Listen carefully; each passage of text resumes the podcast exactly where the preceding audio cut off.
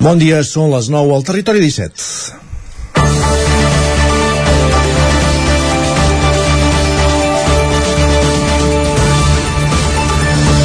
És dilluns 20 de juny de 2022. Comencem la setmana de la Rebella de Sant Joan, però sortim d'un cap de setmana intens. D'intensa calor i de feina intensa dels bombers apagant focs i controlant la situació a Peramola, l'Alt Urgell, a Lladús, al Solsonès i Olivella al Garraf. Són tres dels 50 incendis que hi ha hagut en un cap de setmana que s'ha detingut també un presumpte piròman al Solsonès.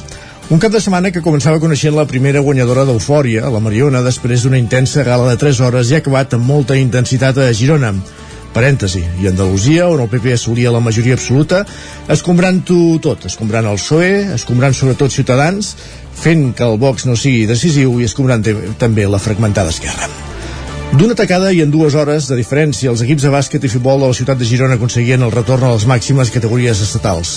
Al marge del Liceu d'Àlex Rodríguez i Jordi Burgaia, campions de l'Hockey Lliga i de la segona Champions consecutiva del Barça d'handbol i la derrota del de bàsquet a la Lliga, sens dubte que Girona és la paraula de moda en el món de l'esport aquest cap de setmana. En futbol, Mitchell ha sabut canviar aquell estigma de mal estrugança que acompanyava l'equip gironí als play-off i torna a primera cinc anys després, després de guanyar 1 a 3 al Tenerife del Sant Joaní Àlex Corredera. En bàsquet, un altre nom propi, Marc Gasol, torna a la CB, un equip on ell també havia jugat, la Casballo, víctima de la crisi financera de 2008.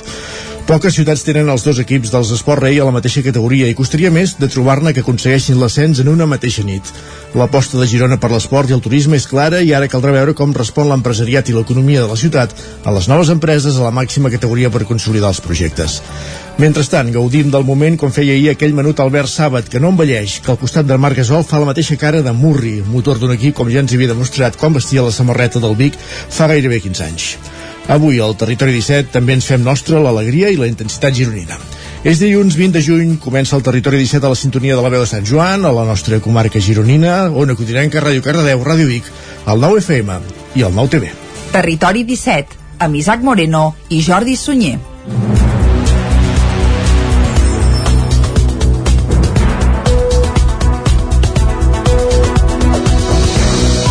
Passen dos minuts i mig de les 9 del matí d'avui dilluns, dia 20 de juny de 2022. Últim dia, per cert, de la primavera astronòmica, eh, tot i que, evidentment, la meteorològica ja fa dies que l'hem deixat enrere perquè estem capbussats de ple a l'estiu. A l'infern. A l'infern, bé, poc serà tant. Uh, anem a pams, va, què farem avui aquí a Territori 17? Doncs, com sempre, durant la primera hora us acostarem tota l'actualitat de les nostres comarques. A partir de les 10 actualitzarem de nou butlletins informatius i, com cada dia, anirem cap a l'entrevista. Avui, Isaac, des d'on? Avui anem fins al Ripollès, amb l'Isaac Montades de la veu Sant Joan. Conversarem amb Joaquim Colomer, president del Consell Comarcal, de la tercera edició del festival Cinc Sentits, que comptarà, entre d'altres, Alerta. Ja, la primera actuació d'un concursant d'Eufòria, l'Albert, amb B baixa. Aquell que ho posa amb B baixa, sí, sí. ostres, ostres. I l'ex-xarango Sergi Carbonell. Bé, entre que... altres actuacions, com dèiem, en aquest festival Cinc Sentits, del qual parlarem avui a l'entrevista. Doncs vinga, tots els detalls d'aquest festival ens els acostarà el president, precisament, del Consell Comarcal del Ripollès. Això serà cap un quart d'onze. A dos quarts serà el moment de les piulades, com sempre, amb en Guillem Sánchez. Tot seguit anirem a la taula de redacció i després ens tocarà parlar d'esports i ho farem com cada dilluns repassant com ha anat el cap de setmana esportivament parlant amb aquestes activitats que ens destacaven divendres tant l'Isaac Muntades al Ripollès com l'Ester Rovira aquí a la comarca de d'Osona. A les 11 en punt actualitzarem de nou butlletins informatius i tot seguit el que ens tocarà és els solidaris. Amb la Malena Ramajo des de Ràdio Vic avui per parlar d'Osona amb els nens una entitat, ja ho sabeu, d'actualitat d'ençà que el, va esclatar el conflicte a Ucraïna i que van gestionar també eh, l'arribada a Catalunya de, moltes, de molts ucraïnesos alguns dels quals havien estat en estades a, a Catalunya a través mm -hmm. d'aquesta mateixa ONG. Us amb els nens? Doncs els detalls, els solidaris, cap a un quart de dotze serà. Tot seguit, a dos quarts de dotze, com cada dia, el que farem és pujar a la R3, a la Trenc d'Alba, i els dilluns sempre acabem amb tertúlia esportiva. Avui una tertúlia que Isaac tindrà un marcat accent gironí. Exacte, parlarem de com no pot ser d'altra manera d'aquests ascensos del bàsquet Girona i del Girona de futbol a les màximes competicions de futbol i bàsquet estatals, però també parlarem d'altres aspectes que, que ens doni l'actualitat esportiva amb Lluís de Planell, amb Guillem Freixa i Isaac Muntades. Doncs vinga, que ja estem situats, el que hem de fer és arrencar, i ho farem com sempre, fent un repàs a l'actualitat de les nostres comarques. Ja ho sabeu, les comarques del Ripollès, Osona, el Moianès i el Vallès Oriental.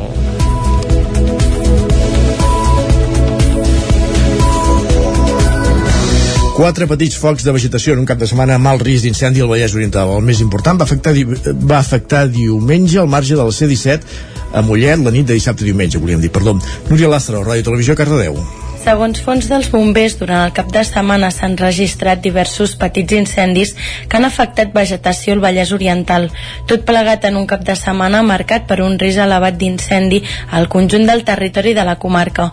A Mollet, la matinada de dissabte van cremar uns 200 metres quadrats de camps sense llaure prop de la urbanització de l'estany de Gallecs.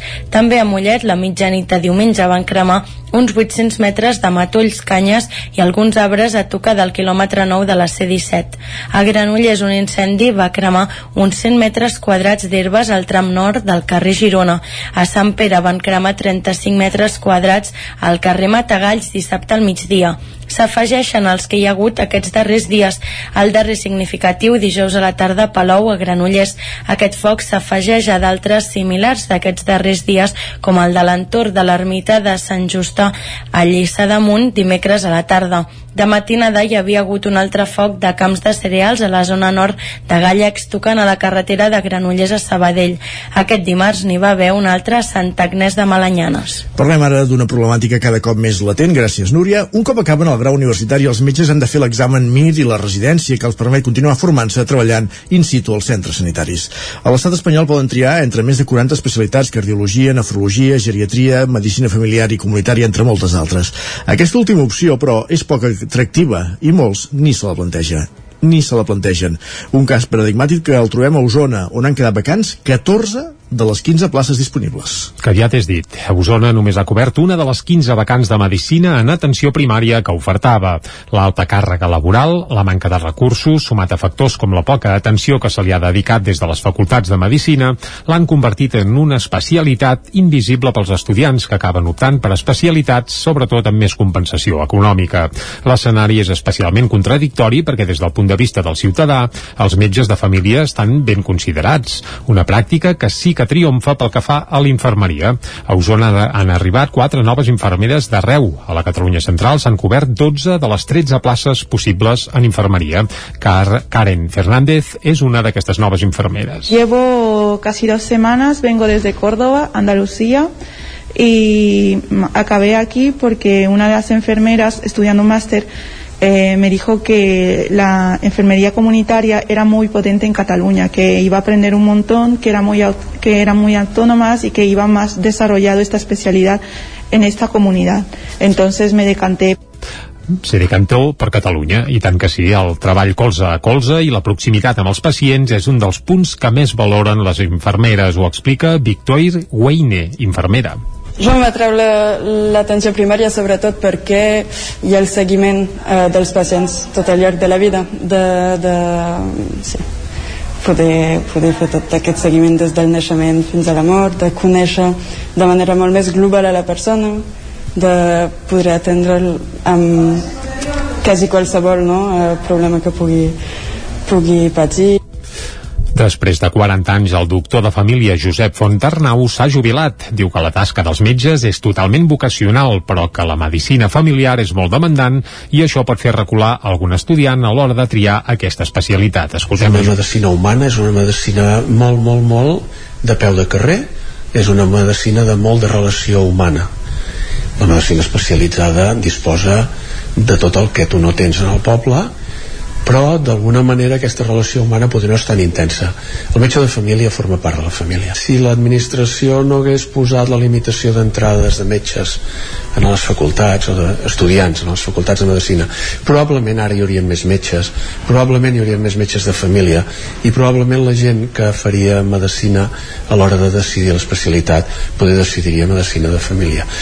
El fet de que hi hagi poca gent entrant a les facultats les especialitats s'emporten la majoria de la gent la preocupació per la manca de personal mèdic d'atenció primària també va arribar dilluns al ple de Ceba, on no hi tenen metges, tot i tenir cap des de fa 3 anys. En el cas de Castellterçol denuncien una manca de pediatre des de la pandèmia i des que es va jubilar, el que hi anava cada dia. Una quinzena de treballadors del CAP de Torelló reclamen al consistori, a l'Ajuntament, que se'ls retiri mitja dotzena de multes que els han interposat per accedir al nucli antic amb els seus vehicles particulars per fer visites a domicilis. Segons expliquen, les visites programades a domicilis les fan amb els seus vehicles perquè el cotxe, que és propietat del CAP, només es fa servir per atencions d'urgència. Des de l'octubre passat, per entrar a determinats carrers del nucli antic de Torelló, cal tenir les matrícules registrades. Segons l'alcalde, Marçal Ortuño, les sancions no es retiraran perquè les matrícules no es van inscriure i tampoc es va notificar que se n'havien fet ús en les 48 hores posteriors, tal com marca la normativa del consistori. Els sanitaris denuncien que en el moment que es va activar ningú els va avisar, ni des del consistori ni des del CAP. Pere Vilarrasa és infermer del CAP de Torelló. Vam demanar-ho ja fa un parell d'anys i en principi ens van dir que no. Uh, després de tota aquesta problemàtica de les multes uh, jo em vaig reunir amb, amb l'alcalde i, i ens va prometre que, que posaria, registraria les matrícules dins l'Ajuntament per poder accedir al nucli urbà uh, crec que està en procés o està estan registrades ja, però això ha set eh, després de, de que ens fiquessin diverses multes per aquest motiu i d'haver-ho demanat ja anteriorment. Tal com explica Vilarrasa, després d'aquesta reunió, entre dues parts es facilitarà la inscripció d'aquestes matrícules. De la Vall del Gès cap al Ripollès, Esquerra de Sant Joan de les Abadesses es queixa per l'ajornament dels nous sistema de pagament per generació de residus que es va implantar fa poc més d'un any. Isaac Muntades, la veu de Sant Joan. El grup municipal d'Esquerra Republicana de Catalunya de Sant Joan de les Abadeses es va queixar que el nou sistema de pagament per generació de residus que es va implantar al municipi durant el febrer del 2021 es va posar en marxa amb presses i de forma erràtica. Els republicans deien que s'havia donat poca informació als vilatans abans de fer servir els cubells nous. A més, recordaven que la taxa de recollida es va aprovar al juliol, molt pocs mesos després de la seva implantació, però que al setembre ja estava obsoleta. Però el més greu pel seu portaveu, Sergi Albric, era que després d'haver apujat la taxa d'escombraries en un 3%, d'invertir inicialment 60.000 euros i posteriorment 150.000, la sorpresa és que el passat mes de maig es va enviar una carta a tots els ciutadans en què l'equip de govern explicava que s'ajornava el nou sistema. L'edil republicà no veia compatible una millora en l'augment del reciclatge si no es guanyava la complicitat del ciutadà i es programaven bé les accions. El BRIC enumerava tots els problemes que s'havien produït per arribar a aquesta decisió. El problema que ha generat és la no explicació. Vull dir, la major part de la població de Sant Joan encara no entén com funciona el sistema per generació, més enllà del, del marc teòric. El que no s'entén, sobretot, és com, com havia de ser la possible taxa, que ja et dic que es va aprovar i que després el mateix equip de govern va deixar sense efecte. I a la vegada el sistema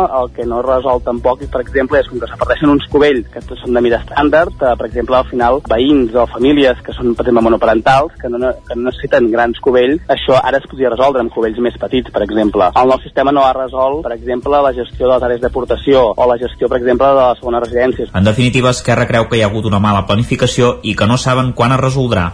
El període nacional de Sau celebra els seus 50 anys des de l'obertura l'any 1972. Per commemorar l'aniversari es va fer un acte on hi van intervenir el president de Paradores de Turismo i l'alcalde de les Masies de Roda. També es va homenatjar els treballadors que fa més de 30 anys que treballen a l'empresa. El parador de Vic, Sau, va celebrar dijous passat el seu 50è aniversari des que va obrir l'any 1972. En l'acte hi van intervenir el president de Paradores de Turismo, Pedro Saura, i l'alcalde de les Masies de Roda, Jordi Vistós, que en castellà va destacar la relació entre les Masies i l'hotel. Quiero remarcar la, la magnífica relación del Ayuntamiento de las Masías de Roda con el Parador. Gracias a sus excelentes directores, como el actual señor Villanova, abiertos a la colaboración. Y, diría que más que colaboración, en determinados momentos hemos disfrutado de una relación de simbiosis que ha aportado beneficios a ambas instituciones. El parador, que disposa de 38 habitacions i reprodueix una típica masia senyorial catalana, ha estat l'escenari de moments històrics, com el de l'any 1978, quan s'hi va redactar l'avantprojecte de l'actual Estatut de Catalunya, Jordi Vistos. Este parador fue el escenario donde se reunieron los parlamentarios catalanes que redactaron el anteproyecto del Estatuto de Cataluña en el año 1978, conocido después como el, el Estatut de Sau de 1979, que fue hasta el 2006 el estatuto vigente. Durant la celebració es van homenatjar també alguns treballadors que porten més de 30 anys a l'empresa. Se'ls hi va donar unes insígnies commemoratives. Precisament, Pedro Saura, el president de Paradores de Turismo, els va dedicar unes paraules. Esta, gracias a los trabajadores de Paradores han pasado muchos de ellos, muchos trabajadores y muchas trabajadoras por aquí, y es importante su trabajo porque al final nuestros clientes eh, quieren, eh, quieren su cariño, quieren el calor de esos trabajadores que tratan de una manera distinta a, a nuestros clientes que lo pueda hacer la, la competencia. Paradores Turismo és una empresa pública que es va constituir l'any 1991. Actualment té 93 paradors i dona feina a uns 1.500 treballadors. Pedro Saura. La misión de Paradores es conservar el patrimonio histórico, artístico, cultural, medioambiental de la zona donde está enclavada. Esa es una de las grandes misiones. Otra de las misiones es el respeto a la biodiversidad del entorno. Paradores espera arribar al centenari... Oh, perdó, ah, Paradores espera arribar al centenar de paradors l'any 2028, quan celebraran el seu centenari. Esports. Caldes de Montbui recupera la nit de l'esport després de 4 anys.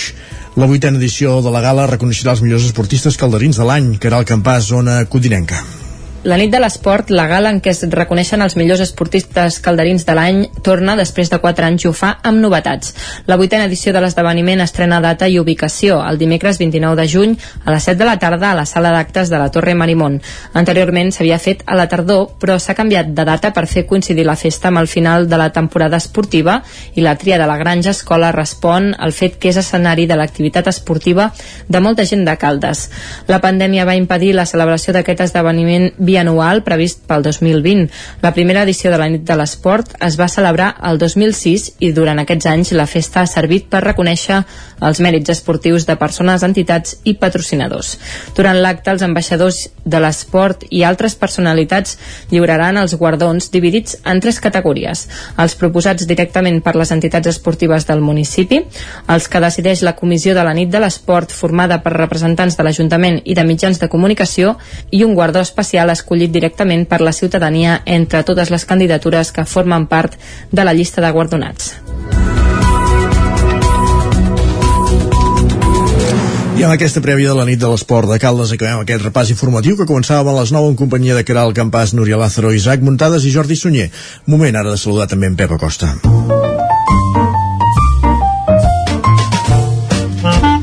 Casa Terradellos us ofereix el temps. Un Pep Acosta que ha estat acalorat aquest cap de setmana però ens porta bones notícies perquè sembla que la famosa onada de calor mica en mica ens anirà deixant. Va, ens ho detalla ell mateix. Pep, bon dia. Hola, molt bon dia. I molt bona hora. Deixem enrere ja el cap, l'últim cap de setmana de, de la primavera. També deixem enrere el cap de setmana amb més hores eh, de sol de l'any. Eh, demà hi arriba l'estiu i deixem enrere un cap de setmana sobretot divendres i dissabte molt, molt calorós amb unes temperatures extraordinàries. I per sort ahir va començar a fer el tom allò que es diu que comences a fer una mica el tom doncs va començar a capgirar una mica la cosa i per fi, per fi va baixar la temperatura. I avui ja aquesta nit gairebé del tot normalitzada fins i tot una mica més fresca del normal, temperatures per sota els 15 graus fins i tot, a les zones més fredes de Mollanès, Osona i del Ripollès, i la majoria màximes en, de mínimes, perdó, aquesta nit entre els 15 i els 20 graus. Hi ha gairebé cap temperatura per sobre els 20 graus de mínima a les nostres comarques. Hi ha una mica de núvols, hi ha més núvols, de moment aquest matí sense cap precipitació de cara a la tarda, eh, les nuvolades s'aniran fent més extenses i no és impossible que caiguin quatre gotes, sota el Pirineu, però també cap a l'interior. Aquesta tarda, per fi, pot ploure també a fora del Pirineu. No és una pluja general, ni molt menys. Però sí, però sí, però sí que, és, que hi ha aquesta possibilitat, eh, que fora del Pirineu pugui arribar a ploure. Venim de molta sequera. El cap de setmana ja pensava que plauria una mica més, una mica més de tempestes, però hem tingut poquíssimes, eh, hem tingut un panorama realment desolador, eh, pel que fa a, a, a focs, pel que fa a precipitacions, un panorama molt, molt dolent, es revertirà. Esperem que la cosa es pugui començar a millorar a partir d'aquesta setmana i a partir d'avui. Les temperatures d'avui màximes baixaran també respecte ahir, la majoria màxima és entre els 28 i els 31-32 graus, ja molt més normalitzades per ser últim dia de primavera, per començar a l'estiu que començarem demà, tot i que meteorològicament parlant ja fa dies que ha començat sense cap mena de dubtes. I això, com deia, eh, a la tarda, per fi, alguna tempesta, alguna pluja fora del Pirineu. Veurem què acaba passant avui i de cara als pròxims dies aquesta pluja es farà més intensa i més extensa i pot ploure bastant, sobretot demà i dimecres. Es... Però no seran pluges generals tampoc, serà una mica de loteria, aviam on toca, Uh, però aviam, aviam si toca forces llocs, esperem que sí, i millora una mica el panorama. I això és tot, a disfrutar el dia d'avui, a disfrutar d'aquest inici de setmana que per fi som dilluns, una setmana molt interessant per endavant, meteorològicament parlant, que anirem desgranant dia a dia. Adéu, bon dia. Bon dia. Vinga, bon dia, Pep. Tens números tu per la rifa o Jordi? Uh, no. Va dir que això, les pluges seran una loteria. Sí, sí, sí, clar, clar, clar, clar. Uh, home, però ja et ben asseguro que quan hi ha alguna tempesta aquelles de tarda i d'allò, a Vila Seca acostuma a acabar amb Vilamolla, és a dir, que jo crec que de números en tenim sempre doncs al nord d'Osona, eh? Demà passarem comptes, Exacte. en aquest sentit. Vinga, Anem i ara anem al quiosc, això. Casa Tarradellas us ha ofert aquest espai. Perquè com cada dia, com a bon dilluns, han sortit els diaris al quiosc i és moment de repassar-ne les portades. Comencem per les del 9-9 avui, Jordi. Exacte, som dilluns, per tant tenim més feina. Eh? Avui comencem per les del 9-9 i ho farem per l'edició d'Osona i el Ripollès, que obre explicant que gairebé una de cada tres persones que ten Càritas està en situació irregular. L'entitat reclama canviar la llei d'estrangeria per reduir els terminis d'obtenció de la residència. Això s'apunta al titular principal. La fotografia, però, és per la inauguració d'una escultura que recorda els pisos de Can Garcia a Manlleu, uns pisos que ara ja són història, perquè es van enderrocar tots dos, i en aquell mateix solar on hi havia els pisos, just allà al costat, s'hi ha, eh, bé, s'hi va inaugurar aquest cap de setmana una escultura feta per l'artista bigatana Eulàlia Sallarès, que reprodueix en teoria, eh, així una mica entre cometes, doncs el que eren els pisos de Can Garcia. Uh, la veritat és que fa goig, eh? Sí, l'escultura és una escultura guanyadora d'un...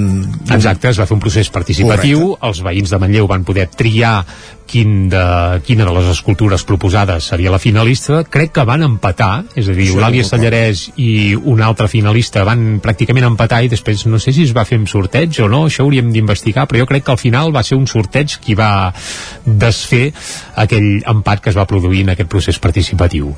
Més coses que apareix a la portada del 9-9 d'Osona i el Ripollès, la Guàrdia Urbana de Vic ja pot multar sense baixar del cotxe. Per què? Doncs perquè tenen el multacar, que això és un trasto que es col·loca al sostre dels cotxes i que enregistra les infraccions. Es posa al sostre dels cotxes, evidentment, dels vehicles de la policia municipal, eh? Per tant, Sí, sí. alerta amb el multacar. De fet, es veu l'imatge, un, un Sí, cotxe sí, logotipat sí, sí. Amb, amb els llums blaus i a darrere aquest nou artilugi que és el, el Moltecar. Correcte. I la setmana passada recordes que parlàvem de Sant Miquel de Balanyà, on aquest cap de setmana precisament s'hi va fer una consulta per decidir eh, si passaven a dir-se Balanyà de l'estació o si mantenien Sant Miquel de Balanyà. Sense novetats, doncs, eh? Exacte, amb el 70% dels vots pràcticament doncs va guanyar mantenir Sant Miquel de Balanyà. Per tant, el nom de moment no serà Balanyà de l'estació. Això va passar aquest cap de setmana a Sant Miquel de Balanyà. Anem ara cap al Vallès Oriental. Titular principal, les obres de desdoblament de la R3, que al Vallès sí que ja s'han eh, bé iniciat, aixafen uns horts a tocar de les vies a Granollers. Carai. Els pagesos lamenten que no se'ls avisés ni se'ls donés temps per desmantellar-los. Van tirar pel dret, els horts a prendre pel sac, i més ara aquesta època, que és quan es comença a recollir. Ara que han de començar a sortir els tomates Clar, i clar, clar, coses. clar, exacte. És a dir, que tot plegat és una mica curiós, si més no. Més coses. La Garriga torna a florir per Corpus, i és que el Vallès Oriental recupera amb entusiasme, diu el 9-9 del Vallès Oriental, la tradició de les catifes de flors. A la Garriga n'hi va haver una trentena, a Caldes de Montbui una vintena i a Aigua Freda i a Corró de Vall també n'hi va haver, en aquest cas, mitja dotzena de catifes de flors. Era Corpus, eh? Normalment per aquestes dates, catifes de flors. Que no fos per això que, feia la Patum, també. També, home, tot lliga, tot lliga. Evidentment. Més coses. Orgull orgull LGTBI més. Tot això per què? Doncs perquè centenars de persones van seguir la primera Drag Race que es va fer a la Porxada de Granollers amb drag queens, drag kings i una mica de tot, eh? I tot plegat també formava part de l'Open Night de Granollers amb botigues obertes que es va fer aquest cap de setmana. Deixem les portades nostrades i anem a les d'àmbit nacional on hi ha un protagonista principal, eh? Uh, bé, uh, No? uh, sí i no. Moreno Bonilla. Sí, crec que tiren més cap a Andalusia, eh? però clar, cadascú els compra cap a casa seu. Eh? El punt avui, rècord de refugiats. Carai, ni una cosa ni l'altra. Bé, el punt avui té dues edicions, eh? L'edició de Girona la tonegen una mica i evidentment parlen de Girona. L'edició d'àmbit nacional dels països catalans titula Rècord de refugiats. 100 milions de persones han de marxar dels seus països per conflictes. 100 milions, eh? És una autèntica bestiesa. També el vent s'alia amb els incendis i Macron perd la majoria a França. Anem cap a l'ara, el PP arrasa a Andalusia i deixa Sánchez tocat. També hi veiem que Macron perd la majoria absoluta i Le Pen fa un salt històric a les legislatives franceses. La fotografia principal, però, és pel Girona. Girona torna a l'elit per partida doble, perquè no només va pujar ahir l'equip de futbol, sinó també el de bàsquet, que l'any que ve jugarà a l'ACB. El periòdico, majoria històrica del PP moderat a Andalusia, això PP ho posen ells, eh? El PP madura, moderat, sí, sí, uh, ras i curt. I desfilada de la victòria ciclista. Els ciclistes de Barcelona surten al carrer per celebrar 25 anys de conquestes i l'Ajuntament anuncia uh, que hi haurà un software per conciliar la disponibilitat del bicing. Això va passar ahir a Barcelona, moltes bicicletes al, al carrer. A l'avantguàrdia, el PP arrasa a Andalusia i podrà governar sense Vox, això destaquen a la portada de l'avantguàrdia, i si et sembla acabem a les portades que es fan cap a, bé, que s'editen a Madrid, totes parlen del que va passar ahir a Andalusia, el país, victòria històrica del PP a Andalusia, a la Razón Moreno arrasa, Moreno, evidentment, és el president d'Andalusia. És nascut a Barcelona, eh, Moreno? És Ah, català, eh? doncs, goita, uh, potser els seus votants no ho tenien present, això. A l'ABC, victòria absoluta del PP andalús, amb una fotografia amb el català Moreno, doncs, exultant. I el Mundo, per on diries que tiren? Home, també, també, el PP arrasa a Andalusia i ells ja hi afegeixen i accelera el declivi de Sánchez. de Ciutadans no en diuen res, eh? No, ja, Ja bé, s'han quedat sense res, de fet. bé, amb un raconet sí que en, que en parlen, però, però res. 3 minuts i tornem, fins ara mateix. El nou FM, la ràdio de casa, al 92.8. Ja tenim aquí la rebella de Sant Joan. Prepara't! A Manli seleccionem el millor en pirotècnia, bateries, bengales, trons, coets, els millors preus, ofertes tots els dies de rebella i tot l'any. Visiteu el catàleg a manli.cat. Manli, al carrer Ramon Soler, telèfon 93 889 0484. Vic, Sant Joan, ja és aquí. El Roures Parc de Ceba. Obrim a partir del 27 de juny. Pista de volei, pista 3x3, bar, zona de pícnic i una gran caseta de boles. Tres piscines amb un ampli entorn de gespa i arbredes frondoses per gaudir de la natura sense passar calor. I aquest any estrenem jocs infantils i tornen els tastets de volei pels més petits. El Roures Parc de Ceba. Obrim cada dia des de dos quarts d'onze fins a dos quarts de vuit del vespre. T'hi esperem. Cobertes serveis funeraris. Els nostres tanatoris estan ubicats en els nuclis urbans més poblats de la comarca d'Osona per oferir un millor servei. Tanatori de Vic, Tanatori de Manlleu, Tanatori de Centelles i Tanatori de Roda de Ter. Sabem que són moments difícils i per això el nostre compromís és atendre-us en tot moment amb un tracte humà, sensible i respectuós. Cobertes serveis funeraris.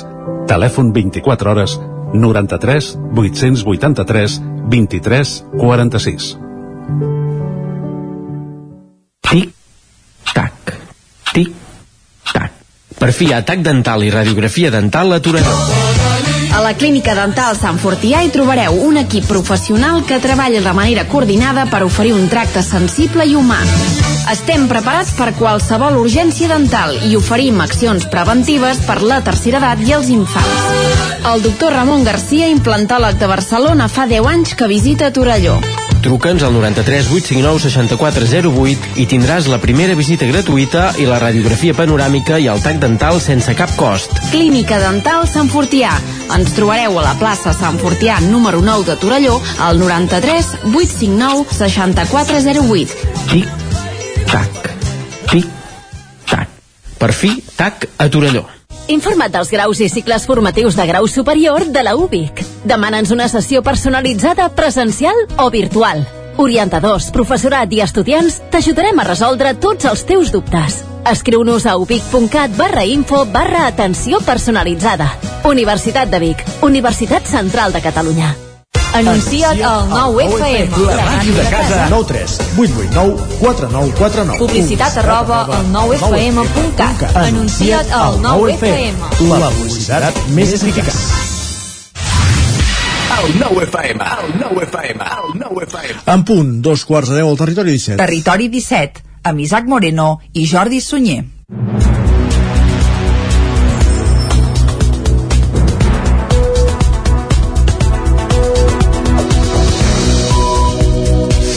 Dos quarts de deu, un punt d'avui dilluns, dia 20 de juny de 2022. Seguim en directe aquí a Territori 17 i de seguida el que farem, com sempre, és acostar-vos de nou tota l'actualitat de les nostres comarques. Però abans ja us avancem una mica tot el que tindrem des d'ara i fins al punt de les 12 del migdia.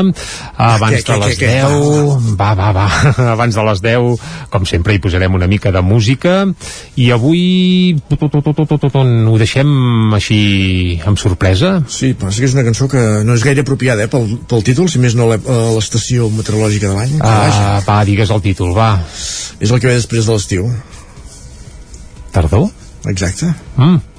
Doncs deixem-ho aquí. Sí. Va, més detalls. compte que avui tot just comença l'estiu Sí, astronòmic. bé, demà, demà, no? Demà. O, sí, sí, això ha dit en Pep Acosta, eh? Però bé, evidentment, el meteorològic ja fa dies que ja estem capbussats de ple, això és, és una evidència. Bé, misteri, abans de les 10, una cançó, com cada dia, la cançó bé, del dia. perfecte. A les 10 actualitzarem butlletins informatius, com sempre, i tot seguit a l'entrevista anirem cap al Ripollès. Amb l'Isaac Muntades, des de l'Hora de Sant Joan, conversarem amb Joaquim Colomer, el president del Consell Comarcal del Ripollès, per parlar de la tercera edició del Festival 5 Sentits, que comptarà, entre d'altres, amb les actuacions del concursant Albert d'Eufòria i l'ex-xarango Sergi Carbonell. És curiós, eh? ja els concursants d'Eufòria comencen a fer bolos. Bé, i espera't que... Bé, A quines festes, majors, a quines festes majors vindran aquest estiu? Uh, ja es veurà, ja es veurà. De moment el 16 i 17 seran al Palau Sant Jordi, això Correcte. sí, i després segur que algun d'ells ens sentirem a parlar. D'algun altre possiblement doncs no. Però bé, ho seguirem. Va, dos quarts d'onze piulades amb en Guillem Sánchez. No, No? amb en Pol Matavaques avui. Ah, Barrufa, molt bé, doncs ostres, s'estrenarà en Pol Matavaques. No, es va estrenar de- divendres, de fet. Ah, ja es va estrenar, doncs home, doncs goita, això ja serà un autèntic festival. Va, farem piulades, com sempre, i les farem amb en Pol Matavaques, doncs estarem al cas. Això serà a dos quarts d'onze en punt, aquí a Territori 17, quan arribem a l'equador del programa. Tot seguit, taula de redacció i després esports. Com sempre, eh, repara, sabrem com ha anat esportivament parlant el cap de setmana a les nostres comarques. Ens centrarem en dues d'elles, és on encara s'hi manté l'activitat, el Ripollès amb l'Isaac Muntades i Osona amb l'Ester Rovira. Tot seguit eh, el que farem és actualitzar butlletins informatius a les 11 i després anirem als solidaris, com cada dilluns. Amb Malena Ramajo des de Ràdio Vic i avui per parlar d'Osona amb els nens. A dos quarts de dotze serà el moment de pujar a la R3, a la Trenc d'Alba, com cada dia, i com acabarem els dilluns? Doncs com sempre, amb tertúlia esportiva, no? Correcte, amb el Lluís de Planell i Guillem Freixa i Isaac Muntades repassant què ha donat de si aquest cap de setmana, el cap de setmana dels ascensos dels Girones, de futbol i de bàsquet, el cap de setmana de la segona Champions consecutiva del Barça d'handbol, en fi, diversos ítems esportius per comentar avui a la tertúlia. Doncs vinga, això serà la part final d'un programa que ara segueix acostant-vos, com sempre, a l'actualitat de les nostres comarques. Ja ho sabeu, les comarques del Ripollès, Osona, el Moianès i el Vallès Oriental. Quatre petits focs de vegetació en un cap de setmana amb alt risc d'incendi al Vallès Oriental. El més important va afectar, va afectar diumenge al marge de la C-17 a Mollet la nit de dissabte a diumenge, volíem dir, perdó. Núria Lastra, Ràdio Televisió, Cardedeu. Segons fons dels bombers, durant el cap de setmana s'han registrat diversos petits incendis que han afectat vegetació al Vallès Oriental. Tot plegat en un cap de setmana marcat per un risc elevat d'incendi al conjunt del territori de la comarca. A Mollet, la matinada de dissabte van cremar uns 200 metres quadrats de camp sense llaure prop de la urbanització de l'estany de Gallecs. També a Mollet, la mitjanit de diumenge van cremar uns 800 metres de matolls, canyes i alguns arbres a tocar del quilòmetre 9 de la C-17. A Granollers un incendi va cremar uns 100 metres quadrats d'herbes al tram nord del carrer Girona. A Sant Pere van cremar 35 metres quadrats al carrer Matagalls dissabte al migdia s'afegeixen els que hi ha hagut aquests darrers dies. El darrer significatiu, dijous a la tarda, Palou, a Granollers. Aquest foc s'afegeix a d'altres similars d'aquests darrers dies, com el de l'entorn de l'ermita de Sant Justa a Lliçà d'Amunt, dimecres a la tarda. De matinada hi havia hagut un altre foc de camps de cereals a la zona nord de Gallecs, tocant a la carretera de Granollers a Sabadell. Aquest dimarts n'hi va haver un altre a Sant Agnès de Malanyanes. Parlem ara d'una problemàtica cada cop més latent, gràcies Núria. Un cop acaben el grau universitari, els metges han de fer l'examen MIR i la residència que els permet continuar formant-se treballant in situ als centres sanitaris. A l'estat espanyol poden triar entre més de 40 especialitats, cardiologia, nefrologia, geriatria, medicina familiar i comunitària, entre moltes altres. Aquesta última opció, però, és poc atractiva i molts ni se la planteja ni se la plantegen. Un cas paradigmàtic que el trobem a Osona, on han quedat vacants 14 de les 15 places disponibles. Que ja t'has dit, a Osona només ha cobert una de les 15 vacants de Medicina en atenció primària que ofertava. L'alta càrrega laboral, la manca de recursos, sumat a factors com la poca atenció que se li ha dedicat des de les facultats de Medicina, l'han convertit en una especialitat invisible pels estudiants que acaben optant per especialitats, sobretot amb més compensació econòmica. L'escenari és especialment contradictori perquè des del punt de vista del ciutadà, els metges de família estan ben considerats, una pràctica que sí que triomfa pel que fa a l'infermeria. A Osona han arribat quatre noves infermeres d'arreu. A la Catalunya Central s'han cobert 12 de les 13 places possibles en infermeria. Car Karen Fernández és una d'aquestes noves infermeres. Llevo casi dos semanas, vengo desde Córdoba, Andalucía, y acabé aquí porque una de las enfermeras, estudiando un máster, eh, me dijo que la enfermería comunitaria era muy potente en Cataluña, que iba a aprender un montón, que era muy que eran muy autónomas y que iba más desarrollado esta especialidad en esta comunidad. Entonces me decanté se decantó per Catalunya, i tant que sí, el treball colze a colze i la proximitat amb els pacients és un dels punts que més valoren les infermeres, ho explica Victoire Weine, infermera.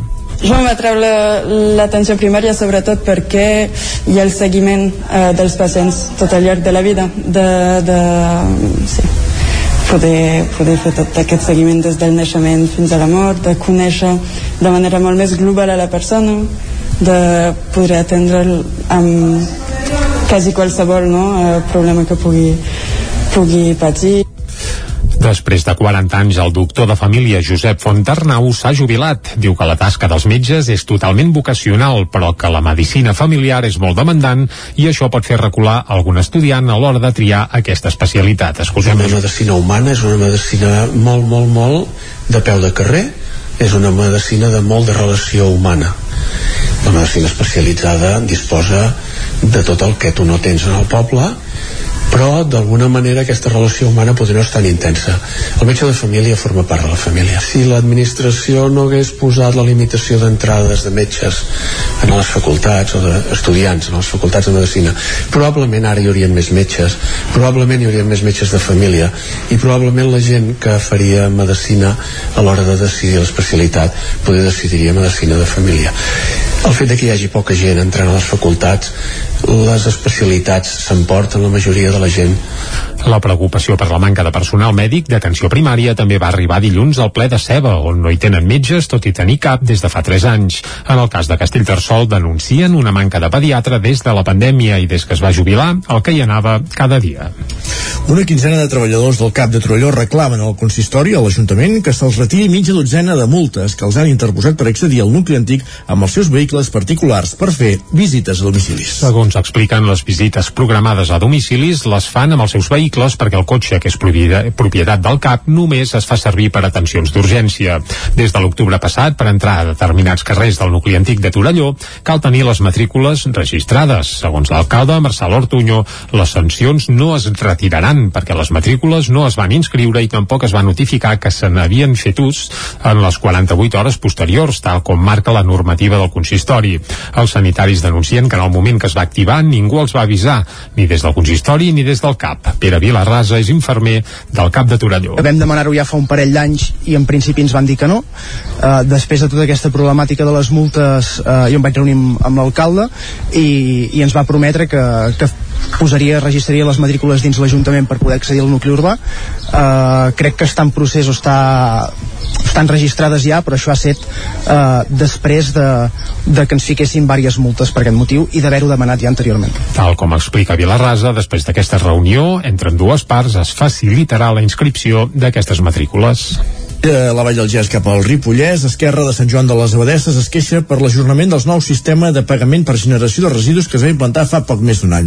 Isaac Muntades, la veu de Sant Joan. El grup municipal d'Esquerra Republicana de Catalunya de Sant Joan de les Abadesses es va queixar que el nou sistema de pagament per generació de residus que es va implantar al municipi durant el febrer del 2021 es va posar en marxa amb presses i de forma erràtica. Els republicans deien que s'havia donat poca informació als vilatans abans de fer servir els cubells nous. A més, recordaven que la taxa de recollida es va aprovar al juliol, molt molt pocs mesos després de la seva implantació, però que al setembre ja estava obsoleta. Però el més greu pel seu portaveu, Sergi Albric, era que després d'haver apujat la taxa d'escombraries en un 3%, d'invertir inicialment 60.000 euros i posteriorment 150.000, la sorpresa és que el passat mes de maig es va enviar una carta a tots els ciutadans en què l'equip de govern explicava que s'ajornava el nou sistema. L'edil republicà no veia compatible una millora en l'augment del reciclatge si no es guanyava la complicitat del ciutadà i es programaven bé les accions. El BRIC enumerava tots els problemes que s'havien produït per arribar a aquesta decisió. El problema que ha generat és la no explicació. Vull dir, la major part de la població de Sant Joan encara no entén com funciona el sistema per generació, més enllà del, del marc teòric. El que no s'entén, sobretot, és com, com havia de ser la possible taxa, que ja et dic que es va aprovar i que després el mateix equip de govern va deixar sense efecte. I a la vegada el sistema el que no resol tampoc, per exemple, és com que s'aparteixen uns cubells que són de mida estàndard, que, per exemple, al final, veïns o famílies que són, per exemple, monoparentals, que no, que no necessiten grans cubells, això ara es podria resoldre amb cubells més petits, per exemple. El nou sistema no ha resolt, per exemple, la gestió de les àrees d'aportació o la gestió, per exemple, de les segones residències. En definitiva, Esquerra creu que hi ha hagut una mala planificació i que no saben quan es resoldrà.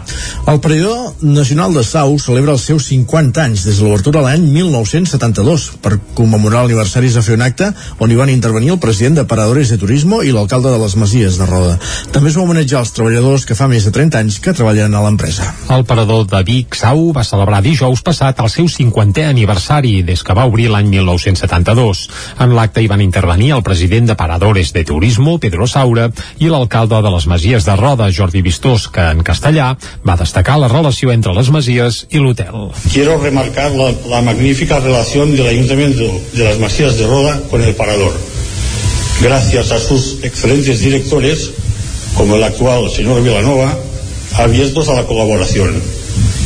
Y, diría que más que colaboración, en determinados momentos hemos disfrutado de una relación de simbiosis que ha aportado beneficios a ambas instituciones. El parador, que disposa de 38 habitacions i reprodueix una típica masia senyorial catalana, ha estat l'escenari de moments històrics, com el de l'any 1978, quan s'hi va redactar l'avantprojecte de l'actual Estatut de Catalunya, Jordi Vistos. Este parador fue el escenario donde se reunieron los parlamentarios catalanes que redactaron el anteproyecto del Estatuto de Cataluña en el año 1978 conocido después como el, el Estatut de Sau de 1979, que fue hasta el 2006 el estatuto vigente. Durant la celebració es van homenatjar també alguns treballadors que porten més de 30 anys a l'empresa. Se'ls hi va donar unes insígnies commemoratives. Precisament, Pedro Saura, el president de Paradores de Turismo, els va dedicar unes paraules. Ahí está. Gracias a los trabajadores de Paradores han pasado muchos de ellos, muchos trabajadores y muchas trabajadoras por aquí y es importante su trabajo porque al final nuestros clientes eh, quieren, eh, quieren su cariño, quieren el calor de esos trabajadores que tratan de una manera distinta a, a nuestros clientes que lo pueda hacer la, la competencia. Paradores Turismo és una empresa pública que es va constituir l'any 1991. Actualment té 93 paradors i dona feina a uns 1.500 treballadors. Pedro Saura. La misión de Paradores es conservar el patrimonio histórico, artístico, cultural, medioambiental de la zona donde está enclavada. Esa es una de las grandes misiones. Otra de las misiones es el respeto a la biodiversidad del entorno. Paradores espera arribar al centenari... Oh, perdó, ah, Paradores espera arribar al centenar de paradors l'any 2028, quan celebraran el seu centenari. Esports. Caldes de Montbui recupera la nit de l'esport després de 4 anys. La vuitena edició de la gala reconeixerà els millors esportistes calderins de l'any, que era el campàs zona codinenca. La nit de l'esport, la gala en què es reconeixen els millors esportistes calderins de l'any, torna després de 4 anys i ho fa amb novetats. La vuitena edició de l'esdeveniment estrena data i ubicació, el dimecres 29 de juny a les 7 de la tarda a la sala d'actes de la Torre Marimón. Anteriorment s'havia fet a la tardor, però s'ha canviat de data per fer coincidir la festa amb el final de la temporada esportiva i la tria de la Granja Escola respon al fet que és escenari de l'activitat esportiva de molta gent de Caldes. La pandèmia va impedir la celebració d'aquest esdeveniment bianual previst pel 2020. La primera edició de la nit de l'esport es va celebrar el 2006 i durant aquests anys la festa ha servit per reconèixer els mèrits esportius de persones, entitats i patrocinadors. Durant l'acte, els ambaixadors de l'esport i altres personalitats lliuraran els guardons dividits en tres categories. Els proposats directament per les entitats esportives del municipi, els que decideix la comissió de la nit de l'esport formada per representants de l'Ajuntament i de mitjans de comunicació i un guardó especial escollit directament per la ciutadania entre totes les candidatures que formen part de la llista de guardonats. I amb aquesta prèvia de la nit de l'esport de Caldes acabem aquest repàs informatiu que començava a les 9 en companyia de Caral Campàs, Núria Lázaro, Isaac Muntades i Jordi Sunyer. Moment ara de saludar també en Pep Acosta.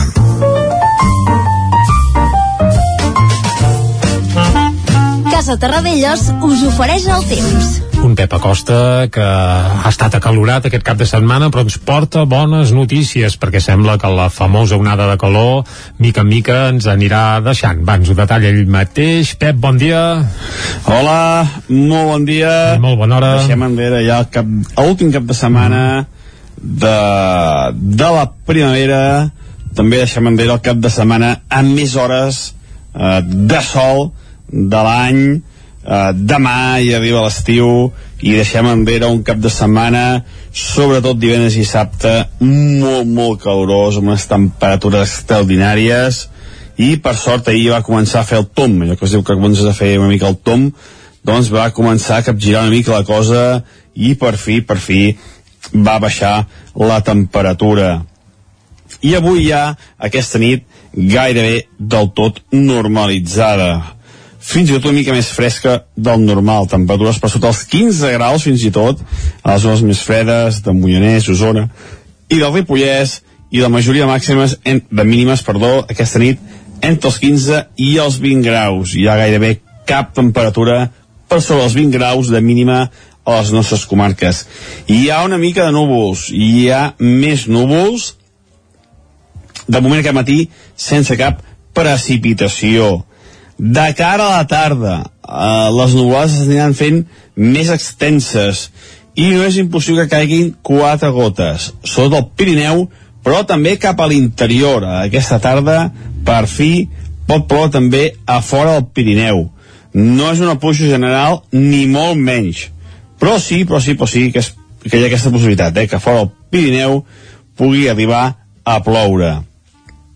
Venim de molta sequera. El cap de setmana he pensat que plouria una mica més, una mica més de tempestes, però hem tingut poquíssimes, eh, hem tingut un panorama realment desolador, eh, pel que fa a, a, a focs, pel que fa a precipitacions, un panorama molt, molt dolent, es revertirà. Esperem que la cosa es pugui començar a millorar a partir d'aquesta setmana i a partir d'avui. Les temperatures d'avui màximes baixaran també respecte ahir, la majoria màxima és entre els 28 i els 31-32 graus, ja molt més normalitzades per ser un dia de primavera, per començar a l'estiu que començarem demà, tot i que meteorològicament parlant ja fa dies que ha començat sense cap mena de dubtes. I això com deia, eh, a la tarda, per fi, alguna tempesta, alguna pluja fora del Pirineu. Veurem què acaba passant avui i de cara als pròxims dies aquesta pluja es farà més intensa i més extensa i pot ploure bastant, sobretot demà i dimecres. però no seran pluges generals tampoc, serà una mica de loteria, aviam on toca, uh, però aviam, aviam si toca forces llocs, esperem que sí, i millora una mica el panorama. I això és tot, a disfrutar el dia d'avui, a disfrutar aquest inici de setmana, que per fi som dilluns, una setmana molt interessant per endavant, meteorològicament parlant, que anirem desgranant dia a dia. Adéu, bon dia. Bon dia. Vinga, bon dia, Pep. Tens números tu per la rifa o Jordi? Uh, no. Va dir que era això, les pluges seran una loteria. Sí, sí, sí, clar, clar, clar, clar. Uh, home, però ja et ben asseguro que quan hi ha alguna tempesta aquelles de tarda i d'allò, a Vila Seca acostuma a acabar amb Vilamolla. És a dir, que jo crec que de números en tenim sempre doncs al nord d'Osona, eh? Demà passarem comptes. Exacte. Sentit. Vinga, Anem i ara anem al quiosc, això. Casa Tarradellas us ha ofert aquest espai. Perquè com cada dia, com a bon dilluns, han sortit els diaris al quiosc i és moment de repassar-ne les portades. Comencem per les del 9-9 avui, Jordi. Exacte, som dilluns, per tant tenim més feina. Eh? Avui comencem per les del 9-9 i ho farem per l'edició d'Osona i el Ripollès, que obre explicant que gairebé una de cada tres persones que atén Càritas està en situació irregular. L'entitat reclama canviar la llei d'estrangeria per reduir els terminis d'obtenció de la residència. Això s'apunta al titular principal. La fotografia, però, és per la inauguració d'una escultura que recorda els pisos de Can Garcia a Manlleu, uns pisos que ara ja són història, perquè es van enderrocar tots dos, i en aquell mateix solar on hi havia els pisos, just allà al costat, s'hi ha, eh, bé, s'hi va inaugurar aquest cap de setmana una escultura feta per l'artista biguetana Eulàlia Sallarès, que reprodueix en teoria, eh, així una mica entre cometes, doncs el que eren els pisos de Can Garcia. Uh, la veritat és que fa goig, eh? Sí, l'escultura és una escultura guanyadora d'un... Exacte, es va fer un procés participatiu, els veïns de Manlleu van poder triar quin de, quina de les escultures proposades seria la finalista, crec que van empatar, és a dir, Això Eulàlia Sallarès i un altre finalista van pràcticament empatar i després no sé si es va fer amb sorteig o no, això hauríem d'investigar, però jo crec que al final va ser un sorteig qui va desfer aquell empat que es va produir en aquest procés participatiu. Més coses que apareix a la portada del 9-9 d'Osona i el Ripollès, la Guàrdia Urbana de Vic ja pot multar sense baixar del cotxe. Per què? Doncs perquè tenen el multacar, que això és un trasto que es col·loca al sostre dels cotxes i que enregistra les infraccions. Es posa al sostre dels cotxes, evidentment, dels vehicles de la policia municipal, eh? Per tant, Sí, sí, alerta amb el multacar. De fet, es veu l'imatge, un, un Sí, cotxe sí, sí, sí. Amb, amb els llums blaus i a darrere aquest nou artilugi que és el, el Moltecar. Correcte. I la setmana passada recordes que parlàvem de Sant Miquel de Balanyà, on aquest cap de setmana precisament s'hi va fer una consulta per decidir eh, si passaven a dir-se Balanyà de l'estació o si mantenien Sant Miquel de Balanyà. Sense novetats, doncs, eh? Exacte, amb el 70% dels vots pràcticament doncs va guanyar mantenir Sant Miquel de Balanyà. Per tant, el nom de moment no serà Balanyà de l'estació. Això va passar aquest cap de setmana a Sant Miquel de Balanyà. Anem ara cap al Vallès Oriental. Titular principal, les obres de desdoblament de la R3, que al Vallès sí que ja s'han eh, bé iniciat, aixafen uns horts a tocar de les vies a Granollers. Carai. Els pagesos lamenten que no se'ls avisés ni se'ls donés temps per desmantellar-los. Van tirar pel dret, els horts a prendre pel sac, i més ara aquesta època, que és quan es comença a recollir. Ara que han de començar a sortir els tomàquets Clar, clar, clar, clar, exacte. És a dir, que tot plegat és una mica curiós, si més no.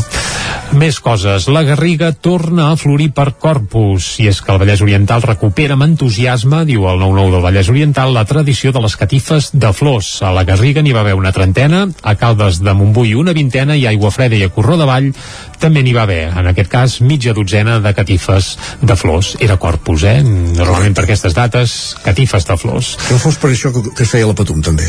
També, home, tot lliga, tot lliga. Evidentment. Més coses. Orgull, orgull LGTBI més. Tot això, per què? Doncs perquè centenars de persones van seguir la primera Drag Race que es va fer a la Porxada de Granollers amb drag queens, drag kings i una mica de tot, eh? I tot plegat també formava part de l'Open Night de Granollers amb botigues obertes que es va fer aquest cap de setmana. Deixem les portades nostrades i anem a les d'àmbit nacional on hi ha un protagonista principal, eh? Uh, bé, uh, no? Uh, sí i no. Moreno Bonilla. Sí, crec que tiren més cap a Andalusia, eh? però clar, cadascú es compra cap a casa seu. Eh? El punt avui, rècord de refugiats. Carai, uh, ni l'altre. Bé, el punt avui té dues edicions, eh? L'edició de Girona la tonegen una mica i evidentment parlen de Girona. L'edició d'àmbit nacional dels països catalans titula Rècord de refugiats. 100 milions de persones han de marxar dels seus països per conflictes. 100 milions, eh? És una autèntica bestiesa. També el vent s'alia amb els incendis i Macron perd la majoria a França. Anem cap a l'ara, el PP arrasa a Andalusia i deixa Sánchez tocat. També hi veiem que Macron perd la majoria absoluta i Le Pen fa un salt històric a les legislatives franceses. La fotografia principal, però, és pel Girona. Girona torna a l'elit per partida doble, perquè no només va pujar ahir l'equip de futbol, sinó també el de bàsquet, que l'any que ve jugarà a l'ACB. El periòdico Majoria històrica del PP moderat a Andalusia, això PP ho posen ells, eh? El PP madura, moderat, sí, sí, uh, ras i curt. I desfilada de la victòria ciclista. Els ciclistes de Barcelona surten al carrer per celebrar 25 anys de conquestes i l'Ajuntament anuncia uh, que hi haurà un software per conciliar la disponibilitat del bicing. Això va passar ahir a Barcelona. Moltes bicicletes al, al carrer. A l'avantguàrdia, el PP arrasa a Andalusia i podrà governar sense Vox. Això destaquen a la portada de l'avantguàrdia. I si et sembla, acabem a les portades que es fan cap a, bé que s'editen a Madrid. Totes parlen del que va passar ahir a Andalusia. El país, victòria històrica del PP a Andalusia. A la Razón, Moreno arrasa. Moreno, evidentment, és el president d'Andalusia. És nascut a Barcelona, eh, Moreno? És Ah, català, eh? doncs, goita, uh, potser els seus votants no ho tenien present, això. A l'ABC, victòria absoluta del PP andalús, amb una fotografia amb el català Moreno, doncs, exultant. I el Mundo, per on diries que tiren? Home, també, també, el PP arrasa a Andalusia i ells ja hi afegeixen i accelera el declivi de Sánchez. Per declivi a les ciutadans, que Sí. per fi en un lloc s'han quedat amb zero. Sí, zero. Zero, bé, a algun lloc. Que, a bona part de les comarques del territori 17 sempre han estat Sí, a zero, fet, sí. de regidors, de representació, bé, Osona, el Ripollès, el Moianès, Ciutadans, és, el cara és Andalusia, també. Uh, és el que hi ha cadascú lo seu, però bé, uh, veus, exacte, no sabia aquesta vessant catalana del candidat del PP, És en canvi nascut. sí que la sabíem de la candidata de Vox, que recordem que és, bé, ella no ho sap, eh, però ja li expliquem nosaltres, és d'Alacant, per tant és catalana, dels països catalans, No, és que, tot i que no... Ha fet pensar un tuit de l'Antoni Batista d'aquest matí, que ho deia... Uh, ara te'l molt... Era això. Ara, pla, o el guardem per la secció de tuits, o què? Amb, amb, Com vulguis. Ah, no, si el tens a mà ja Sí, l'estem sí, sí. dient. Doncs Va, vinga, vinga, anem-hi, anem-hi. Bé, el tenia a mà. Ara, Va, aquí. bé. Som l'hòstia, un català president d'Andalusia per majoria absoluta.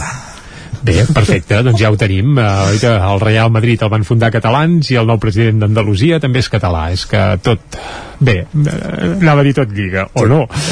Va, el que sí que farem lligar és el tema musical, eh, que avui escoltarem, ja ho deies abans, eh? no lliga gaire el títol de la cançó amb l'època de l'any que estem, però bé, el títol de la cançó és tardor, però hi ha un motiu per escoltar aquesta peça. Ja.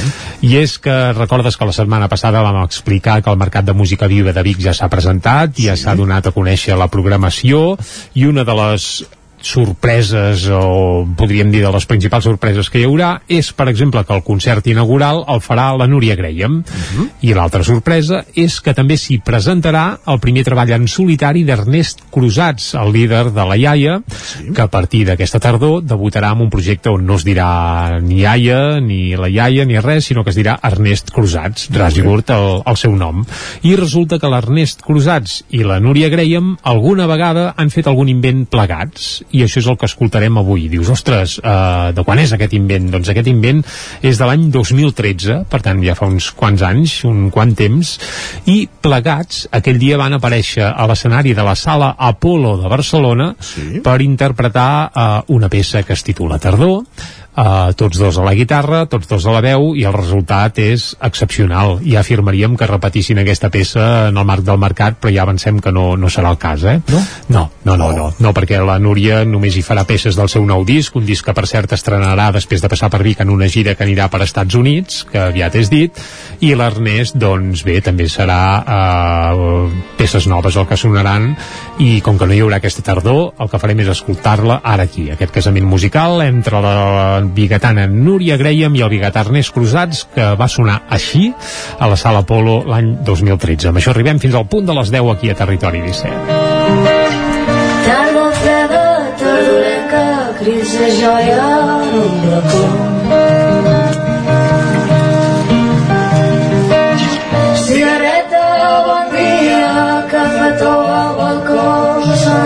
Més paplans.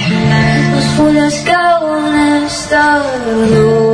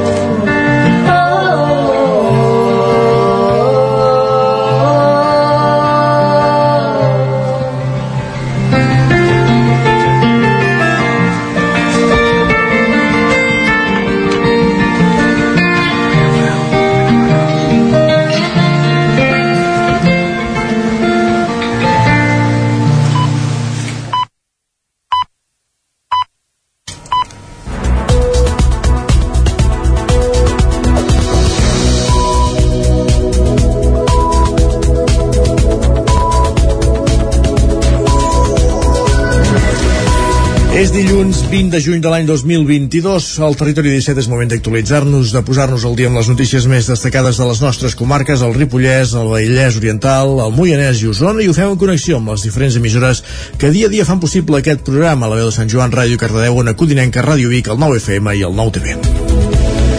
El Departament d'Acció Climàtica considera vital recuperar la concessió de les centrals hidroelèctriques per avançar en la sobirania energètica. Isaac Montades, la veu de Sant Joan. A finals de maig, el Departament d'Acció Climàtica de la Generalitat de Catalunya va començar els tràmits per revocar la concessió de tres centrals hidroelèctriques catalanes, entre elles la de Can Trinxet a Sant Quirze de Besora i la de la Cúbia al terme municipal de Ripoll. En aquest darrer cas, la concessió s'havia atorgat per un període de 75 anys que ja s'havia sobrepassat, ja que es va poder acreditar que havia estat funcionant com a mínim des de l'any 1940 46. La secretària d'Acció Climàtica, Anna Bernades, va subratllar que és capdalt recuperar les concessions de les hidroelèctriques si es vol assolir una sobirania energètica i sumar el màxim d'energies renovables possibles. Fins ara les centrals eren gestionades per l'Agència Catalana de l'Aigua, es traien a subhasta i les empreses que guanyaven en gestionaven el funcionament i els megawatts. La idea és que torni a ser gestionat de manera pública. tornar això a la gestió pública, el que estem dient és que l'Agència Catalana de l'Aigua recupera aquestes instal·lacions amb un procés administratiu les transfereix a l'energètica pública catalana i per tant a partir d'aquí serà l'energètica pública catalana que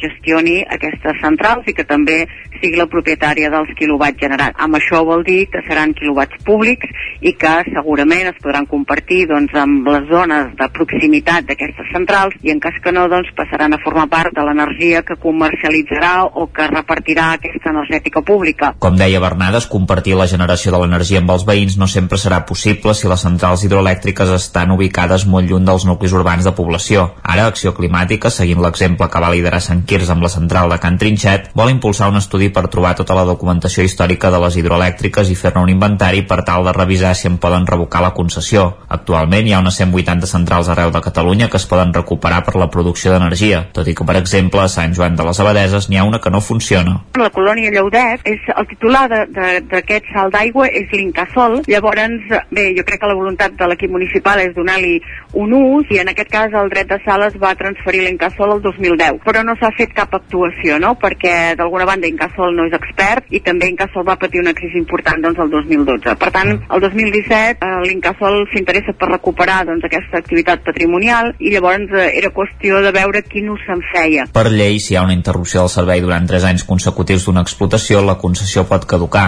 En el cas de Sant Joan, la central no es rehabilitaria, sinó que es destinaria a usos culturals. A les franqueses del Vallès endureixen les sancions per abocar residus al medi natural. L'Ajuntament aplicarà la llei de residus que inclou multes de 4.000 a, 15, eh, perdó, de 4.000 a 150.000 euros. Núria Lázaro, Ràdio Televisió Cardedeu. Tenim problemes per recepcionar aquesta crònica de la Núria Lázaro, intentem recuperar-la més tard. Mentrestant expliquem que Tona destinarà 50.000 euros del pressupost municipal d'aquest any a projectes proposats per la ciutadania. Ja s'ha iniciat la primera fase dels pressupostos participatius que enguany presenten novetats. Exacte. Doncs Tona ha començat el procés dels pressupostos participatius del 2022 on hi destinaran 50.000 euros a projectes proposats per la, ciutad per la ciutadania. Dilluns passat ja es va iniciar el període de presentació de les propostes que s'allargarà fins al proper dia 25 de juliol.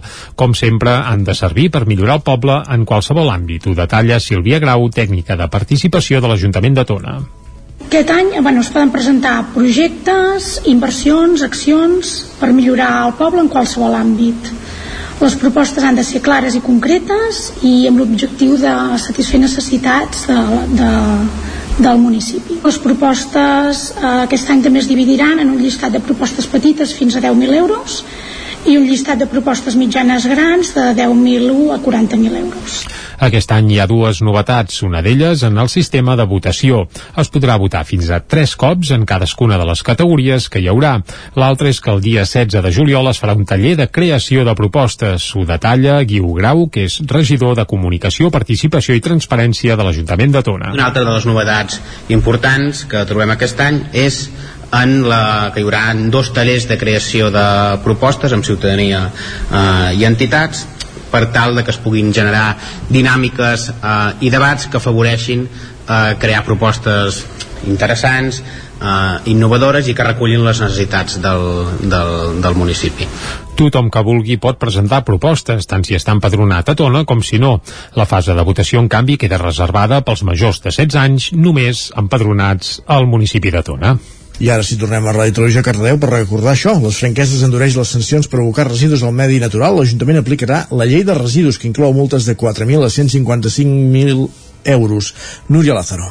L'Ajuntament de les Franqueses endurirà les sancions que aplica als responsables d'abocaments de residus incontrolats en el medi rural o forestal. A partir d'ara, en tots aquells grans abocaments fora de la via pública seran sancionats segons l'article 75 del text refós de la llei reguladora de residus, que preveu sancions que poden anar dels 4.000 als 150.000 euros. Segons aquest article, estan considerats greus l'abandonament, l'abocament i la constitució de dipòsits de residus no legalitzats si no produeixen cap perjudici pel medi ambient o no posen en perill greu la salut de les persones. Amb aquesta decisió, l'Ajuntament de les Franqueses aplicarà a partir d'ara dues normatives diferents sobre abocament de residus incontrolats, depenent del lloc on es facin. Si es fan a la via pública, s'aplicarà l'ordenança de civisme i convivència ciutadana que preveu multes de 100 a 300 euros, però pels abocaments en espais rurals o forestals s'aplicarà la llei catalana. Fins ara, en tots dos casos, s'aplicava l'ordenança. Segons fons municipals, en el que portem d'any, ja s'han detectat 8 abocaments irregulars i a partir de la feina de la policia local que patrulla per les zones rurals se n'han pogut determinar l'autoria en 6 casos. Obrim la plana econòmica. La, la contractació remunta al vol a Caldes de Montbui després de mesos de caiguda amb una codinenca que era el campàs. La contractació ha augmentat tímidament a Caldes durant el maig després de dos mesos de caiguda. Aquest últim mes hi ha hagut 235 contractes al municipi, 14 més que a l'abril, en què es va registrar un descens de 34 contractes respecte del mes anterior. La xifra actual és pràcticament calcada a la del maig del 2021, en què a Caldes hi va haver 239 contractes. La millora en la contractació que es viu a Caldes també s'experimenta a la comarca, on al maig s'han formalitzat 12.401 contractes, uns 2.000 més que a l'abril, i 1.380 més que fa un any. Per sexes, les dones concentren el 47% de la contractació. Segons l'estudi elaborat pel Consell Comarcal, aquest creixement deriva de l'augment tant dels contractes indefinits com dels temporals. Al maig s'ha mantingut la tendència del mes anterior d'un major creixement de la contractació indefinida, que ha assolit les xifres més altes dels darrers anys amb el 40% del total de contractes. Pel que fa a la contractació temporal, contràriament al que hem vist els darrers mesos, també ha crescut i se situa en el 62%. Amb tot, la xifra de contractes temporals ha caigut en una cinquena part respecte de fa un any. Per activitats econòmiques, les administratives i de serveis socials, la indústria manufacturera, l'hostalària i el comerç lideren el creixement de la contractació al maig. Amics de la gent gran d'Osona enceta la campanya Estiu en companyia amb un reforç de l'acompanyament i les activitats que organitzen per a persones grans que estan soles. L'aïllament i la soledat poden augmentar en aquests mesos de més calor per persones amb poca xarxa social. A Osona, Amics de la gent gran atén actualment 23 persones. Des del passat mes de setembre, la Miquela, voluntària d'Amics de la gent gran, visita cada setmana a Vic a la Dolors, una usuària de l'entitat. La Miquela, una mestra jubilada, va decidir buscar una activitat de voluntariat quan va acabar la seva trajectòria laboral i fa 3 anys que col·labora amb Amics de la gent gran. En les seves cites setmanals de dues hores, la Dolors i la Miquela passegen i parlen. Escoltem per aquest ordre a Dolors Codina, usuària d'Amics de la gent gran, i a Miquela Pasqual, que és voluntària. Estan molt per tu, que és el que necessitem. Perquè a vegades dius rumies i no et falta ni roba, ni menjar, ni res, però la companyia, el poder explicar tonteries a vegades són, però que et van quedant aquí i no les pots explicar perquè estàs sol. I d'aquella manera et distreus molt i t'ho passes molt bé que no és allò de que, ai, mira, jo vaig a fer el bé no, sinó que aquesta persona és que a més a més et trobes amb persones com jo que sé, com la Dolors o com una altra Dolors que hi ha o, que sempre t'aporten coses, no? De dir, i a més a més que són unes persones que tenen una riquesa i tenen uns coneixements que, bueno, és, és molt enriquidor per, les, per en dues bandes, eh? En els últims mesos, les trobades entre voluntaris i usuaris d'Amics de la gent gran han pogut recuperar la pràctica normalitat. Durant el tram més dur dels confinaments, l'acompanyament, en canvi, es feia per via telefònica Mallorca. Segons Amics de la Gent Gran, amb la pandèmia el 41% de les persones grans va manifestar un augment del sentiment de soledat i el 59% es va sentir més vulnerable. Unes situacions d'aïllament i soledat que també solen augmentar durant els mesos d'estiu. Per això fan una crida per tenir més voluntaris. Escoltem a Marina Hortelano, responsable de la delegació d'Osona d'Amics de la Gent Gran. Actualment hi ha unes 3-4 persones grans que estan esperant una persona voluntària i al mateix temps eh, moltes vegades quan ens deriven eh, els agents derivadors socials de la província també els dirien, ostres, anem a poc a poc amb derivar, si poguéssim tenir més persones voluntàries seria fantàstic perquè acceleraríem molt més les demandes que ens fan els agents socials de la província, de la comarca i poder doncs, acompanyar més persones grans que estan patint la soledat no volguda. Amics de la gent gran atén actualment a 23 persones a Osona. La campanya també inclou celebracions com la Rebella de Sant Joan, a més de trucades de suport emocional i visites de reforç a domicilis i residències o també l'organització d'activitats lúdiques i culturals. La història del sardanisme a Osona ja té un altre capítol per escriure en majúscules. Es tracta de l'edició d'un doble CD amb 30 sardanes dedicades a algun poble o efemèride de la comarca i estrenades amb motiu dels diferents aplecs que es fan a la comarca. La presentació del disc es farà demà dimarts a la seu del Consell Comarcal d'Osona. Joan Codina, Àngel Capdeferro, Joan Parareda i Antoni Mas conformen la Junta de la recentment constituïda Associació de la Plec Comarcal de la Sardana d'Osona. Ells mateixos van idear i començar a madurar la proposta de fer un disc fa més de dos anys, però la pandèmia ho van callar durant mesos i no va ser fins a principis d'aquest any que es va poder fer les gravacions. L'enregistrament va anar a càrrec de la reconeguda cobla, la principal de la Bisbal, una de les formacions habituals en el concert de la vigília de la plec comarcal d'Osona. El projecte, que ha tingut un cost de 17.000 euros, s'ha finançat bàsicament a través de mecenes privats, a banda de l'aportació puntual d'algun ajuntament, el Consell Comarcal, la Diputació i la Generalitat. Se n'han editat 1.750 exemplars i es posaran a la venda a 15 euros. La idea d'encarregar una, una sardana amb motiu de la plec d'Osona va sorgir a partir de la tercera edició l'any 2009 a Sant Julià de Vilatorta, amb l'objectiu de contribuir a prestigiar la festa. Des de llavors s'han anat estrenant entre una i quatre peces cada any. Entre els compositors que hi han participat hi ha noms reconeguts del panorama nacional com el dels difunts Miquel Tudela i Dolors Viladric, el nord-català René Picamal, Joan Lázaro, Cicrit, Galbany o Amadeu Escola. Jordi Vilaró i Francesc Xavier Casanyes n'hi tenen dues, Xavier Forcada 4 i Carles Santiago 8. Hi ha una única peça d'un compositor usonenc, el rodenc Xavier Baurier, que la va estrenar per la plec del 2014 a Sant Martí de Centelles, dedicada a l'Alzinar de l'Uller. El disc, per cert, es presentarà demà al vespre a la seu del Consell Comarcal d'Osona. Esports. Comencen les obres de renovació del camp de futbol de Torelló. Els treballs costaran 366.000 euros i s'acabaran abans de començar la nova temporada. Recordem que el curs que ve el Torelló s'estrenarà a primera catalana al costat d'històrics com el Manlleu, el Vic o l'Esport Club Granollers. Les obres de renovació de la gespa del camp del futbol municipal de Torelló han començat aquesta mateixa setmana i està previst que durin sis setmanes. Un cop acabades, s'iniciarà l'ampliació també de la pista d'atletisme que envolta el camp. Constaran de dues accions principals, la renovació de la catifa de gespa i la redistribució dels espais del terreny de joc, de manera que es guanyarà un espai d'entrenament per futbol 7. El cost total dels treballs és de 366.330 euros. L'ampliació de la pista també permetrà passar dels dos carrils actuals a sis carrils degudament marcats i a més a més s'inclourà l'ampliació de la recta. En aquest cas el projecte tindrà un cost de 100.832 euros i una durada aproximada de 4 setmanes. La temporada que ve, per cert, el Torelló de futbol competirà a primera catalana, on s'estrenarà al costat d'altres històrics del futbol català com el Manlleu, el Vic o l'Esport Club de Granollers. I arribats a aquest punt, després de repassar eh, les notícies més destacades de casa nostra de, en aquest bloc de les 10 del matí en companyia de Jordi Sunyer, Núria Lázaro, Caral Campàs i Isaac Muntades, és moment de conèixer la previsió del temps. Casa Terradellos us ofereix el temps. I el temps ens la costa. En Pep Acosta, a primera hora ja ens ha deixat clar que s'acaba aquesta mega onada de calor, però més detalls. Va, Pep, salut i bon dia. Hola, molt bon dia. Ja. Hi ha una mica de núvols. Hi ha més núvols. De moment aquest matí, sense cap precipitació. De cara a la tarda, eh, les nuvolades s'aniran fent més extenses i no és impossible que caiguin quatre gotes. Sota el Pirineu, però també cap a l'interior. Aquesta tarda, per fi, pot ploure també a fora del Pirineu. No és una pluja general, ni molt menys.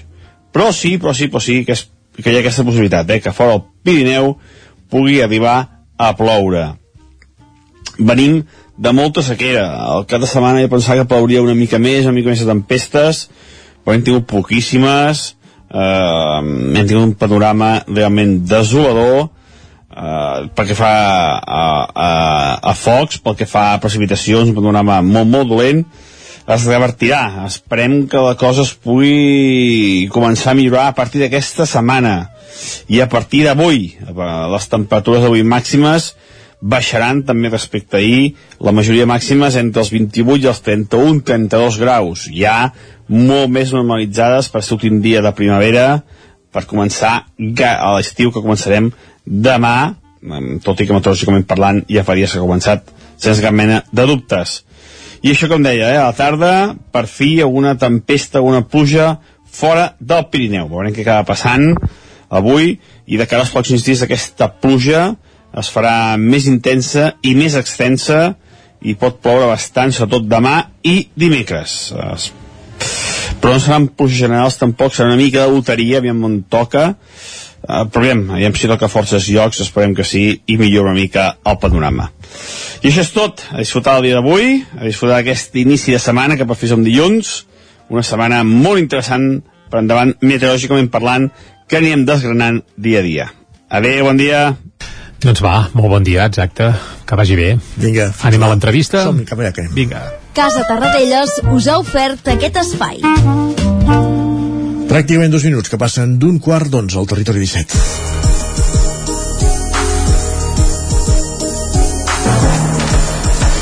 Per tercer any consecutiu, el Consell Comarcal del Ripollès impulsa el Festival Ripollès 5 Sentits, un cicle d'esdeveniments que combinen el patrimoni cultural i monumental, la música i la gastronomia. Tindrà, hi haurà concerts i activitats a cinc pobles de la comarca que repassem tot seguit. Isaac Muntades, de Sant Joan, bon dia.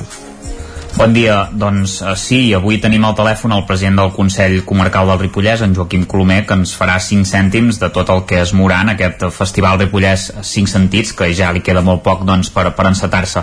Bon dia, Joaquim, i moltes gràcies per atendre'ns. Doncs, molt bon dia. Gràcies a vosaltres. En primer lloc, Joaquim, com dèiem, aquesta és la tercera edició del Festival Ripollès 5 Sentits. Podríem dir que és un certamen que, que va néixer en un moment complicat i totalment inesperant, no? Per què es va decidir fer-ho, això?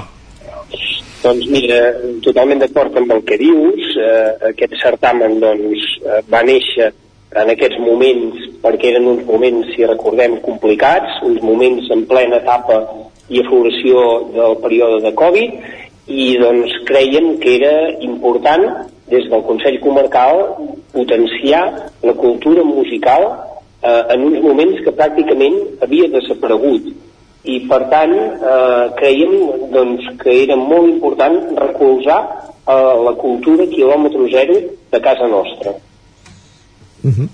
Fem un repàs detallat de, del cartell. Quins actes es faran a cada població en l'àmbit musical? Quines són les dates? Eh, perquè, de fet, el, el festival ja comença aquesta mateixa setmana.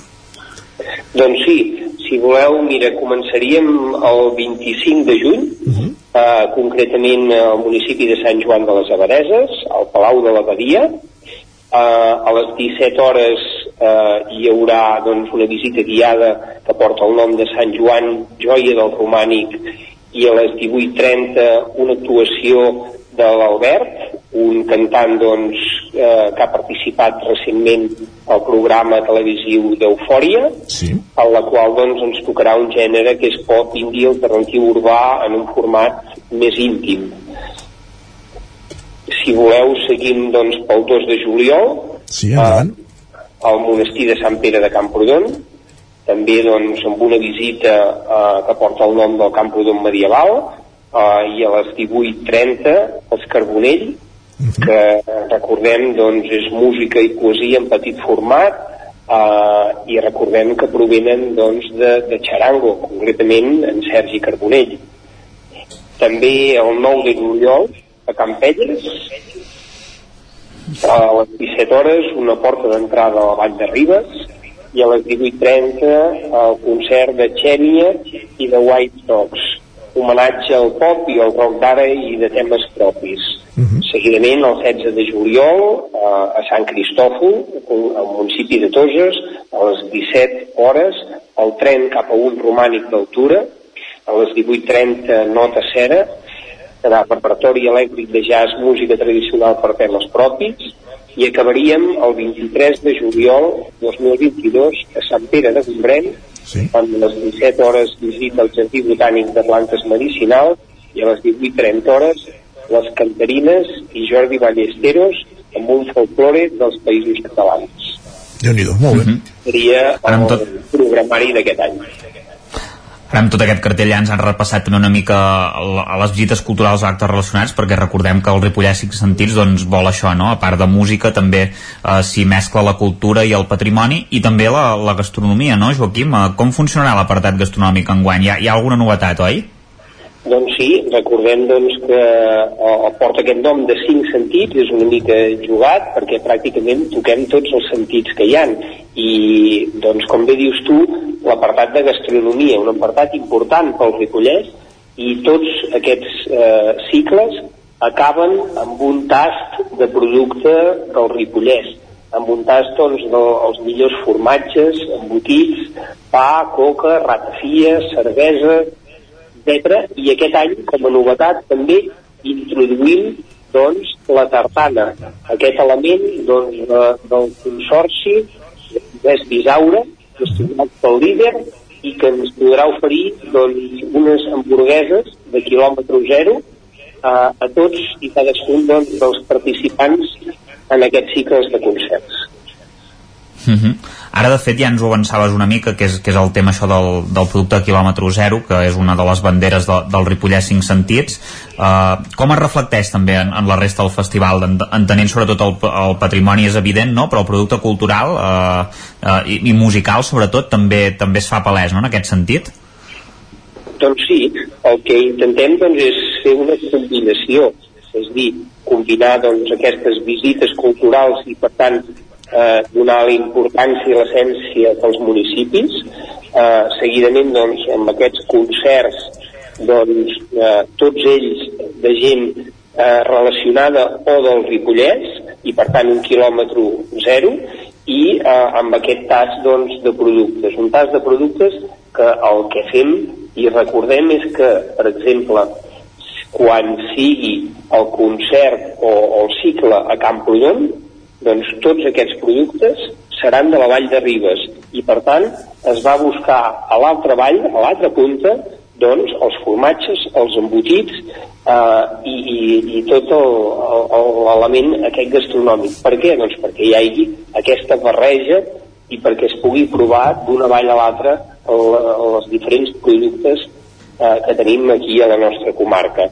I bàsicament doncs, donar l'essència aquesta de, de, de recordar aquesta marca que tenim de producte del Ripollès i, i aquests grans productors que treballen cada dia a la nostra comarca. Uh -huh.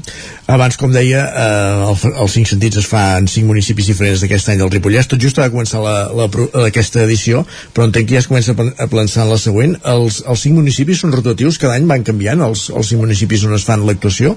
Ai, si actuacions ja es tenen pensats els l'any que ve? Sí, bàsicament eh, això vam organitzar en un format doncs, que el que volíem fer és que amb aquest mandat toquéssim els 19 municipis de la comarca. Uh -huh. i aquests 19 municipis de la comarca varen començar els més petits. Eh, entenem doncs, que el Consell Comarcal el compromís l'hem de tindre preferentment doncs, amb els municipis petits i amb menys recursos, per tant va ser així com ho vam poder tirar endavant. I ara doncs ja estem a la recta final bàsicament doncs, ens quedaran eh, dels municipis més grans de, de la comarca. Ja només ens en quedaran quatre i aquests quatre són els que eh, es preveuen doncs, ja per l'any vinent. Mm -hmm. En, en, em sembla que són, si no estem errats, a Ripoll, a Camp de Bànol, també hi hauria Llanàs i, i un altre, no? I Ribes, I, i Ribes de Freser. Uh, L'essència de, del Ripollès 5 sentits uh, també és que siguin els actes més de petits formant, no? No busqueu una cosa uh, uh, molt gran ni, ni, molt, ni molt extensa, no, Joaquim? Sí, com, com, com bé diu l'Isaac, el, el, el que no pretenem és agafar i, i fer vindre eh, grans grups o, o gent de fora de casa nostra, que, que moltes vegades doncs, poder són o més coneguts o aporten més gent no, nosaltres el que volem és donar la importància amb els de casa nostra, amb els de quilòmetre zero. I, i per tant, no, no ens plantegem, la nostra fita no és eh, grans formats, no és quan més gent millor. No, la, la nostra fita és donar serveis eh, en els municipis, treure l'essència dels municipis i una cosa que ens agrada molt i ens enorgulleix, que és que moltes famílies repeteixen any rere any que, que les portem arrossegant des del primer i, i, i venen pràcticament a tots els concerts i, i repeteixen un any i un altre perquè realment el format a, a, agrada i, i sorprèn. I, i realment això és el que nosaltres eh, busquem un producte de quilòmetre zero per la gent de casa nostra Joaquim Colomer, president del Consell Comarcal del Ripollès, gràcies per ser avui al Territori 17 i, i explicar-nos aquesta iniciativa, el Festival 5 Sentits que comença aquest dissabte a Sant Joan de les Abadesses amb l'actuació d'aquest músic que estem escoltant de fons, l'Albert, també baixa, l'Albert d'un dels concursants d'Eufòria, de, i que, com dèiem, és el punt d'arrencada dels 5 sentits d'aquest estiu que passarà per 5 municipis del Ripollès durant aquest mes de juliol. Joaquim Colomer, com dèiem, moltes gràcies. Si, si em permeteu només dir... Eh, segon, sí. Que 100% gratuït i que és important que cal fer la reserva prèvia o inscripció al correu o telèfon que surt publicat a les xarxes socials. Doncs ho, ho anotem, ho tenim en compte. Moltíssimes gràcies i sort amb aquest festival també. Moltíssimes gràcies a vosaltres. Bon dia. Gràcies, Isaac, també per acompanyar-nos en aquesta entrevista. Parlem d'aquí una estona. Fins ara. Fins ara. Fins al fi del món Espero veure ballar No puc oblidar Com brillen els ulls Mentre brilla la lluna Tot torna a començar El nou FM, la ràdio de casa, al 92.8. A Bailan sabem que quan té una avaria a la seva caldera vol una solució ràpida. Truqui al servei tècnic oficial Bailan i els nostres tècnics vindran ràpidament a solucionar-li el problema. A més, si canvieu ara la caldera, us regalem fins a 300 euros. Truqueu al 910 77 88 77 o entreu a bailan.es. Notícia d'última hora. Nou rècord al llibre Guinness. Els alumnes d'Autoescola Rosana s'han tret la teòrica en un temps rècord. Teòric Express a Rosanes. Mètode exclusiu, ràpid, eficaç i únic. Saps quan comences i quan aproves. Teòric Express és un sistema exclusiu d'Autoescola Rosanes. Sigues llest, et trauràs la teòrica en una setmana. Autoescola Rosanes, carrer Manlleu de Vic i Enric de l'Aris de Manlleu. Més info a autoescolarosanes.com Nova promoció de Teòric Express. Aquest estiu, Autoscola Rosanes. Autoscola Rosanes us desitja una bona rebella de Sant Joan. Cobertes serveis funeraris. Els nostres tanatoris estan ubicats en els nuclis urbans més poblats de la comarca d'Osona per oferir un millor servei. Tanatori de Vic, Tanatori de Manlleu, Tanatori de Centelles i Tanatori de Roda de Ter. Sabem que són moments difícils i per això el nostre compromís és atendre-us en tot moment amb un tracte humà, sensible i respectuós. Cobertes serveis funeraris. Telèfon 24 hores 93 883 23 46. Si tens pensat canviar la caldera o posar aire condicionat, posa't en mans a Pradell. Tenen les millors ofertes. Pradell instal·la calderes de biomassa, calderes de condensació, aire condicionat tant per a particulars com per a empreses. Apunta, Pradell, Avinguda Països Catalans, número 27 de Vic. Telèfon 93 885 11 97. Repetim, 93 885 11 97.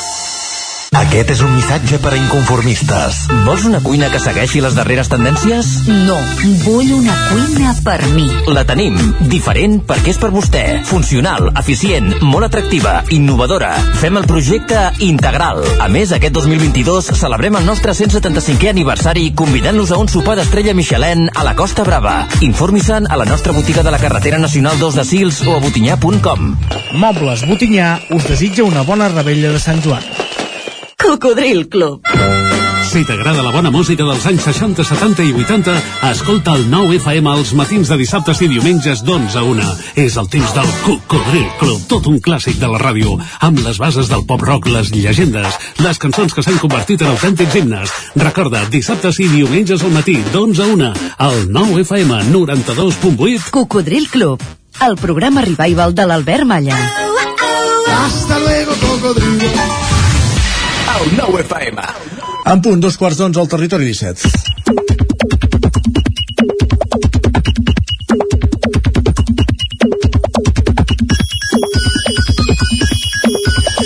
I a dos quarts d'onze és el moment, com sempre, de les piulades i avui qui ens l'acosta és en Pol Matavaques. Pol, salut, bon dia. Bon dia. Com anem, tot bé? Tot bé, tot bé. El cap de setmana l'has superat? S'ha superat i s'ha superat la calor. Sí, bé. Uh, l'has superat perquè has anat a la piscina, perquè No. tenies aire condicionat a casa? O ventilador. O... Ah, un ventilador. Bé, sempre és una opció Una viable i econòmica, els ventiladors, clar que sí. Sí.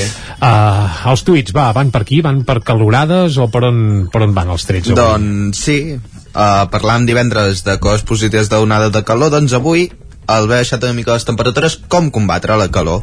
Doncs comencem amb un tuit de Marta Cava que ens diu que fem gel Magnum Mini i llegir al sofà mentre vaig fent micromigdiades per culpa de la calor que no em deixa dormir a les nits. La meva rutina després de dinar d'ara fins al setembre. Carai, Canvis. doncs, ostres, que fem gel, un magnum també, això és aquell gelat, no? Aquell Sí, sí, que sí. embolicat de xocolata, val, sí, perquè clar, el, el de la sèrie televisiva seria I complicat. també hi ha una ampolla de vi de mida Magnum, però no crec que sigui el cas. No, I, I també hi ha un conyac També. uh, Magnum, però Mag- bé, és Magnum, bueno, sí. que, que es dediqui als gelats, va, sí, sí, sí. sí. Esperem que sí. Eh, sí, perquè si ho ha de fer fins al setembre, a base d'ampolles de Magnum, seria una mica perillós. Seguim, seguim.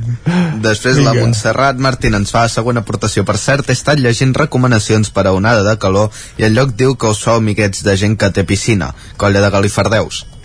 Com, com ho diu això de la gent que té piscina en lloc? Que no, no et facis amic de gent que té Ah. piscina per aprofitar i anar allà a les tardes. Ah, home, és una o passar-hi bona- el dia sencer. Mm, és una bona idea això de, oita, el meu veí té piscina doncs, ei, què, quedem avui pim-pam-pum Sí. bé, bé, per idees que no quedi, va Quan arriba el setembre després ningú se'n recorda eh, de, de la persona que té piscina. bé, és que clar, és que la que ve la fredurada sí, sí, Se'n recorden de gent que té calefacció. home, deixa'm dir que a piscines d'aquestes desmuntables o inflables o d'allò, n'hi ha una autèntica epidèmia i Mm. fa dos anys que pràcticament s'esgoten, és a dir, que jo crec que si ens assenyim només a Osona uh, i més de... Vaja, m'atreviria a dir que hi ha milers de piscines instal·lades d'aquestes una mica desmuntables, però una cosa, una autèntica epidèmia que feia anys que no es veia. Però bé, benvinguda sigui si és per refrescar-se, clar. Exacte. Més, uh, seguim, perquè l'estiu es pot fer complicat i ens ho recorda Jess, que ens diu ni tinc aire condicionat ni tinc piscina, però sabeu què tinc? Exacte, ganes de morir-me. Home, no, no, home, em vas a Al parar. setembre ja estaràs millor. Oh, no, si ja s'ha mort, no.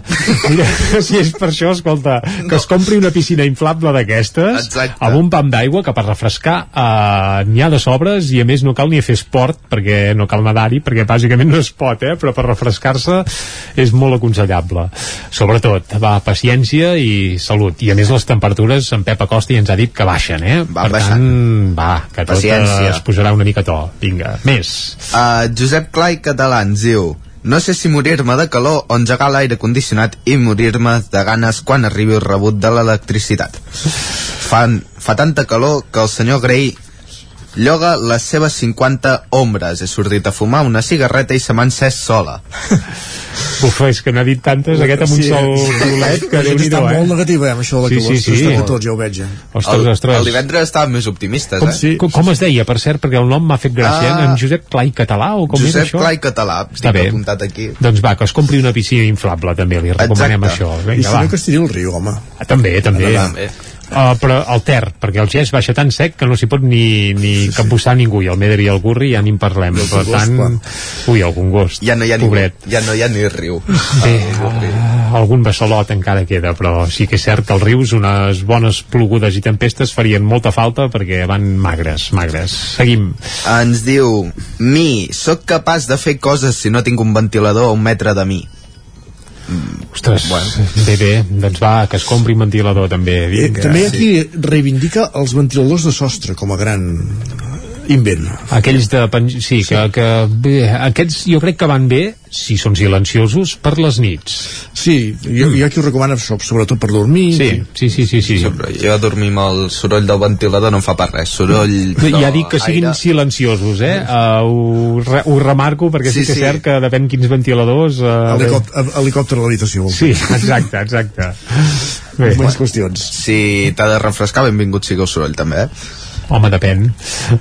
Clar, si no pots dormir pel soroll, no sé què és pitjor, eh? Uh, no Taps- dormir de la calor o taps no dormir a l'orella. de- Taps les orelles. Va, una altra opció. Va, seguim. Ah. hi ha qui se'ls ha de posar pels roncs del del costat.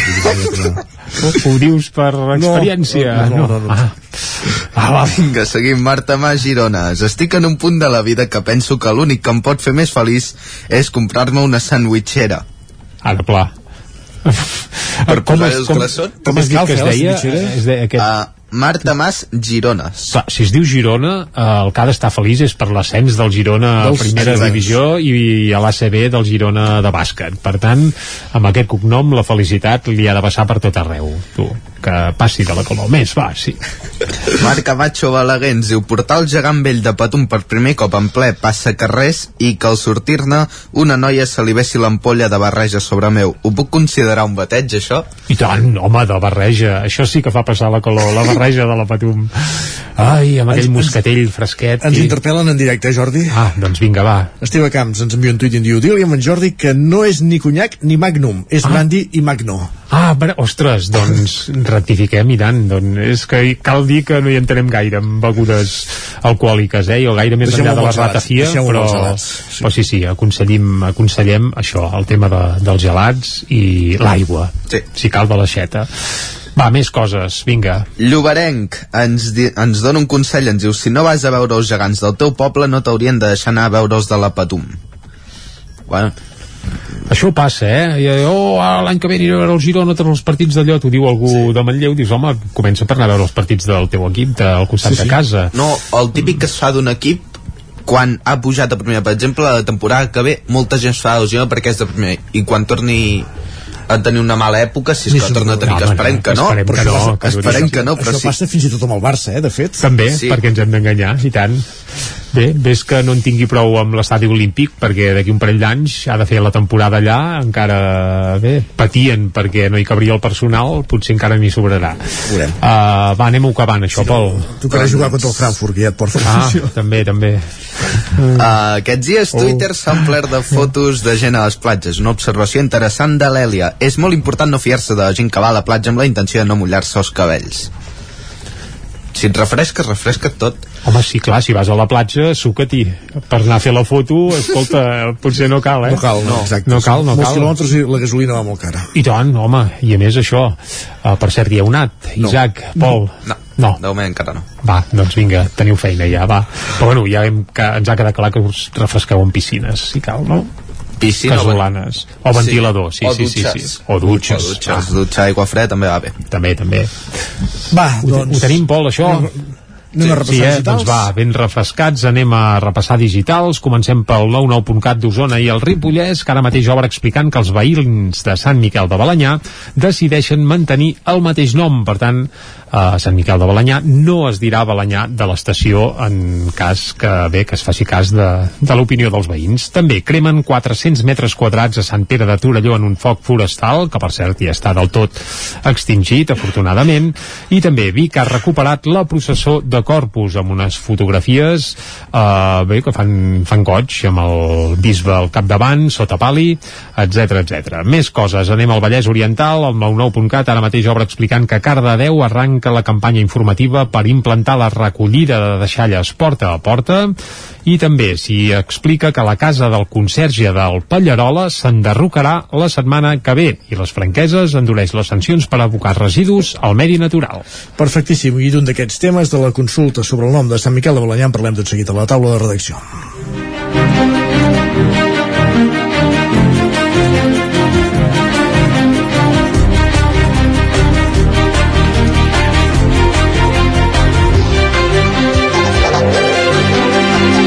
Una taula de redacció en companyia de Guillem Freixa i de Txell Vilamala. Guillem, benvingut, bon dia. Hola, bon dia. I com dèiem, es mantindrà el nom de Sant Miquel de Balanyà perquè ara que se'ls ha consultat als veïns és el que han escollit. Sí, exacte. Hem anat uh, repassant aquesta trajectòria de la consulta per, es, per decidir el nom uh, de Sant Miquel de Balanyà o Balanyà de l'estació. Ho hem anat uh, comentant aquí a Territori 17 i aquest cap de setmana va ser quan es va produir aquesta consulta. Recordem, el divendres va començar a votar a la tarda, hi va haver una aturada durant el dissabte i el diumenge, durant tot el dia, també es van poder emetre vots i els resultats que han sigut força clars. En total hi han participat 342 persones de les 1.158 que estaven cridades a les urnes i al final el resultat és que la gent vol que es continuï dient Sant Miquel de Balanyà. Aquesta opció eh, ha obtingut 236 vots i en canvi la proposta de canviar-se per Balanyà de l'estació n'ha acabat recollint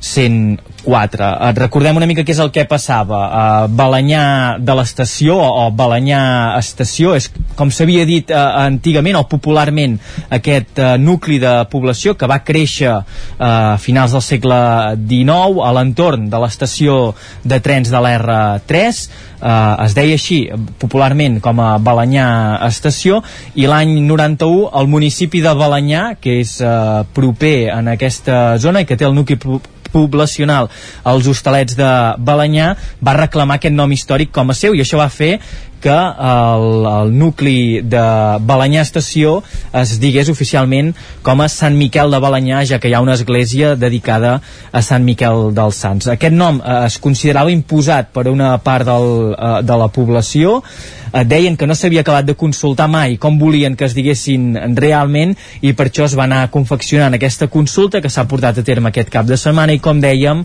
el que ha sortit és que es continuïn dient Sant Miquel de Balanyà. Què pot voler dir això? Doncs eh, segurament hi ha una part de la població que continuarà dient Balanyà Estació o Balanyà A seques. a seques. Eh, comentàvem en la, en la prèvia eh, aquest perfil de, de gent de tota la vida de, del municipi que fa dècades i dècades que viuen allà en aquella zona i en canvi eh, sí que és veritat que és un nucli, un nucli poblacional que ha anat creixent força en els últims temps i la gent que hi ha anat a viure en els darrers 30 anys perquè aquest nom de Sant Miquel de Balanyà es va consolidar el 1991 doncs ja l'han assumit com a seu i diguem ja se'l senten a propi i segurament deu ser el gruix de persones que mm, han votat per aquesta opció. Com dèiem, diumenge es va tancar la votació, es va fer aquest recompte, els resultats són aquests, però s'hauran de confirmar aquest eh, dimecres, dimecres quan es faci el recompte definitiu i oficial, no hauria de, de canviar el, el resultat perquè va ser força contundent, favorable a Sant Miquel de Balanyà, això sí, amb una participació força baixa, perquè només el 29,5% de les persones cridades a les urnes doncs van emetre el seu vot i van expressar la seva opinió. Sant Miquel de Balanyà, que es continuarà dient Sant Miquel de Balanyà. Perfecte, gràcies Guillem, doncs ens quedem amb aquest missatge i saludem ara la Txell Vilamala, que com dèiem també ens acompanya en aquesta taula de redacció, per aprofundir en una notícia que explicàvem al bloc de les 9 del matí, que és aquesta falta de re metges residents a l'atenció primària a la comarca d'Osona, que de 15 places n'han cobert només una. Sí, exacte. Bon dia, Isaac. Bon, bon dia, dia a tothom. Sí. Uh, S'està complint, de fet, el que va dir la doctora Marta Serrarols, la, la gerent de l'EAP uh, Vic al cap del remei fa poques setmanes quan recollia el Premi de l'Osonenc de l'any, i és que l'ofegament de l'atenció primària i la falta de recursos sumat a altres factors, com poden ser la poca, uh, la poca atenció que se li dedica des de les facultats de Medicina, fa uh, que hi hagi molt pocs metges i metgesses que un cop es graduen, un cop acaben el grau de Medicina i han de fer l'examen MIR i llavors triar amb què s'especialitzin escollin eh, l'atenció primària, la medicina familiar i comunitària. En el cas de la comarca d'Osona, com bé deies Isaac, eh, hi havia 15 places de residència disponibles per fer, per fer aquest any, és a dir, començar ara aquest mes de juny del 2022 i d'aquestes 15 només hi ha una persona, només se n'ha omplert una, per tant vol dir eh, que pel que sabem ara n'hi ha 14 que han quedat eh, vacants. Aquesta realitat no és exclusiva d'Osona ni tampoc eh, de Catalunya i és que de fet excepte territoris com per exemple Madrid, el País Basc o les Illes Balears, la poca demanda per fer la residència a consultoris s'ha repetit arreu de l'estat espanyol uh, perquè els graduats prefereixen doncs, altres tipus d'especialitats en hospitals, però sí que és veritat que les xifres a les comarques d'interior uh, són especialment sagnants. De fet, uh, parlàvem de la comarca d'Osona, d'aquest 1 sobre 15, però és que la Catalunya central uh, s'ofertaven 37 places per metges i metgesses i també només se n'han ocupat 4, per tant és una proporció baixíssima. Uh, vam estar, hem estat comentant aquesta situació amb en Joan Daniel, que ell és metge de família de l'Institut Català de la Salut sí. i a més a més es dona la circumstància que és igualment el cap d'estudis de la unitat docent eh, d'aquesta regió sanitària.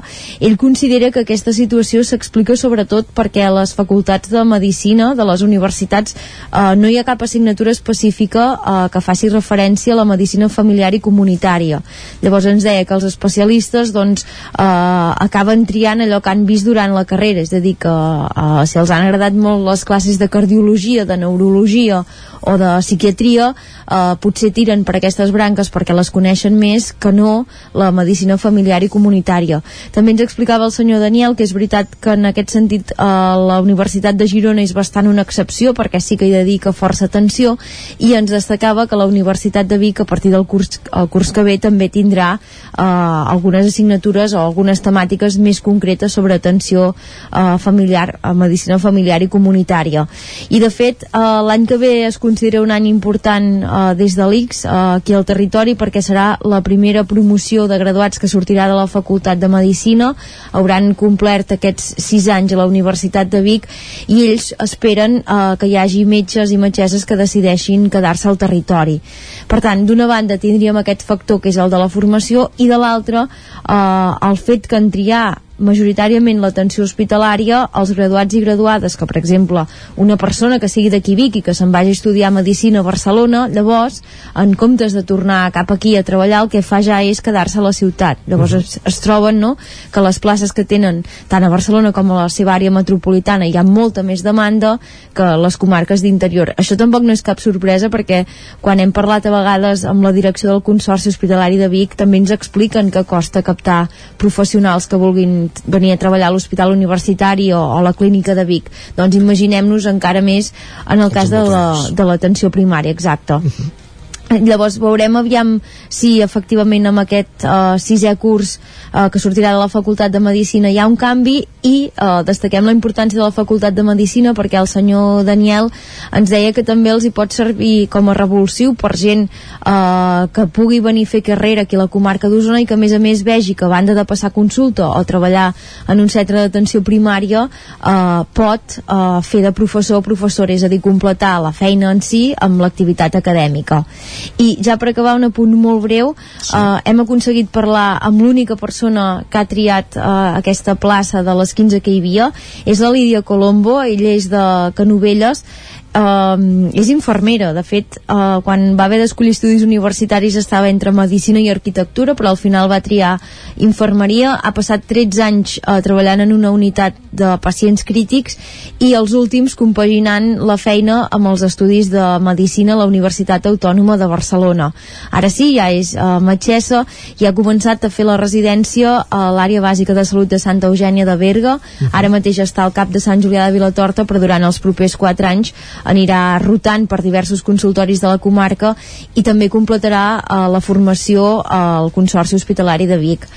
El que passa amb els metges es reprodueix també a petita escala amb els infermers i infermeres, però no tan accentuat de les places que s'oferien aquí a Osona de metges, ai, d'infermeres infermers, perdoneu, l'atenció primària, també n'ha quedat alguna de vacant, però en una proporció molt més petita que pel que fa als professionals de medicina. I en el cas d'aquesta noia que està fent la, la residència a Osona, quins motius eh, explica, diguéssim, per escollir l'atenció primària, per ser aquesta mena de, de raravis, no? Per sí, sí, és, és totalment uh, una raravis.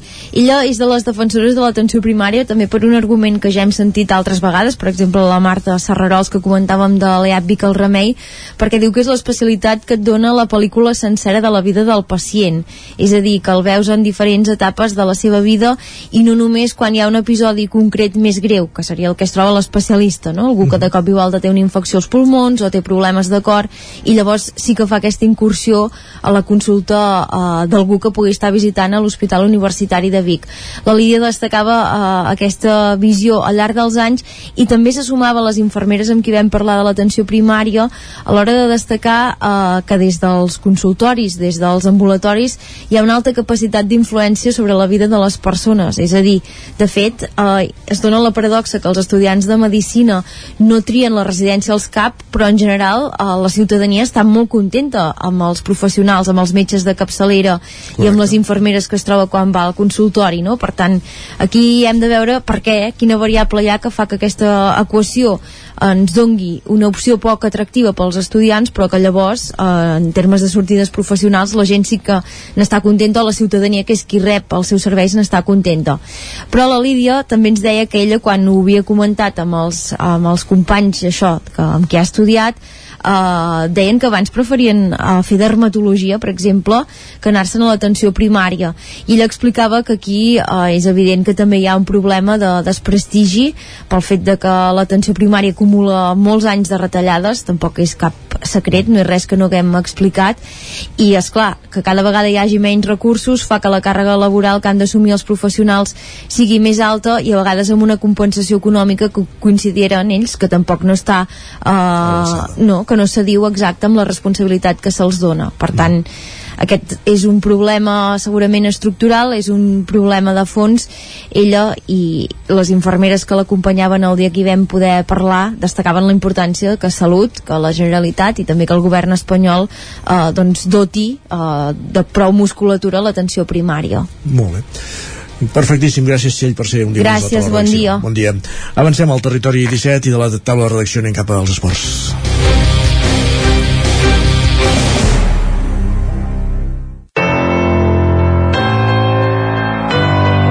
Territori, Territori 17. 17. Territori 17.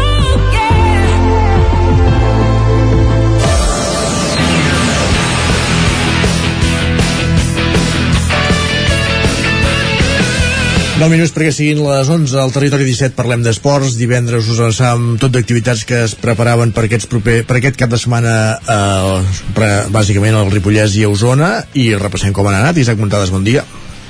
Bon dia, bon dia. Doncs sí, us avançam amb uh, una sèrie d'actes esportius aquí al, al Ripollès, que tot i que s'acaben les lligues, doncs continuen una mica l'activitat esportiva. Hi havia aquesta celebració dels 50 anys del Club Bàsquet Can Demano, que realment uh, va ser molt lluïda i va haver-hi molta gent durant tot el cap de setmana i sobretot bueno, destaca el, algun dels actes per exemple el de, el de divendres que hi vam poder-hi ser eh, es va fer tot un reconeixement en el club de bàsquet eh, Can Bànols, la federació catalana de bàsquet els hi va entregar una placa commemorativa per al tema dels 50 anys, fins i tot en algun dels parlaments des de la federació reconeixien que potser no s'havia set del tot just amb el club bàsquet Can de Bànol, que per ser un equip no, que quedava una mica apartat de, de la resta de Girona, que tots els equips que que havien d'anar a jugar al pavelló doncs, eh, tardaven potser una hora, una hora i mitja en arribar i que quedaven lluny i, i no s'havia set prou just i que els tindran molt més en compte i que de fet el Club Bàsquet Can de eh, segurament serà pioner amb alguna eh, de, de, dels projectes que es tenen en l'àmbit de, de bàsquet femení perquè és un dels punters de, de, de tota la província perquè recordem que té eh, sis eh, equips femenins eh, de tots els que els que competeixen molt més que de masculins i per tant doncs amb això és un, tot un referent. Eh, destaca que hi va haver-hi la presència de Cito Alonso que com sabeu és entrenador de l'ACB de l'UCAM Múrcia i realment eh, els hi va fer un entrenament que va durar més de dues hores eh? ell deia que eh, ell no estava cansat i que fins que els jugadors estiguessin cansats que ell no pararia vull dir que realment va, vam poder-lo veure una estona i realment semblava un entrenament d'allò de, de, primera de primera divisió, sí, sí, eh? fent-los i fer exercicis molt complicats, alçant la veu quan tocava, eh, intentant millorar i realment eh, durant l'entrenament es va veure que els jugadors anaven cada cop fent millors els exercicis i, i va, estar, va estar molt bé. Eh, el cap de setmana també hi va haver-hi el dissabte el tema de d'unes competicions d'habilitat i de two-ball, que és llançaments de diversos uh, punts de, de, de la pista, i el, divend, el diumenge també uh, vam tenir, uh, com sabeu, un campió del món com és uh, Xavi Rabaseda, que va jugar, va, ara jugava al, al Burgos però va jugar en el Barça en el seu moment.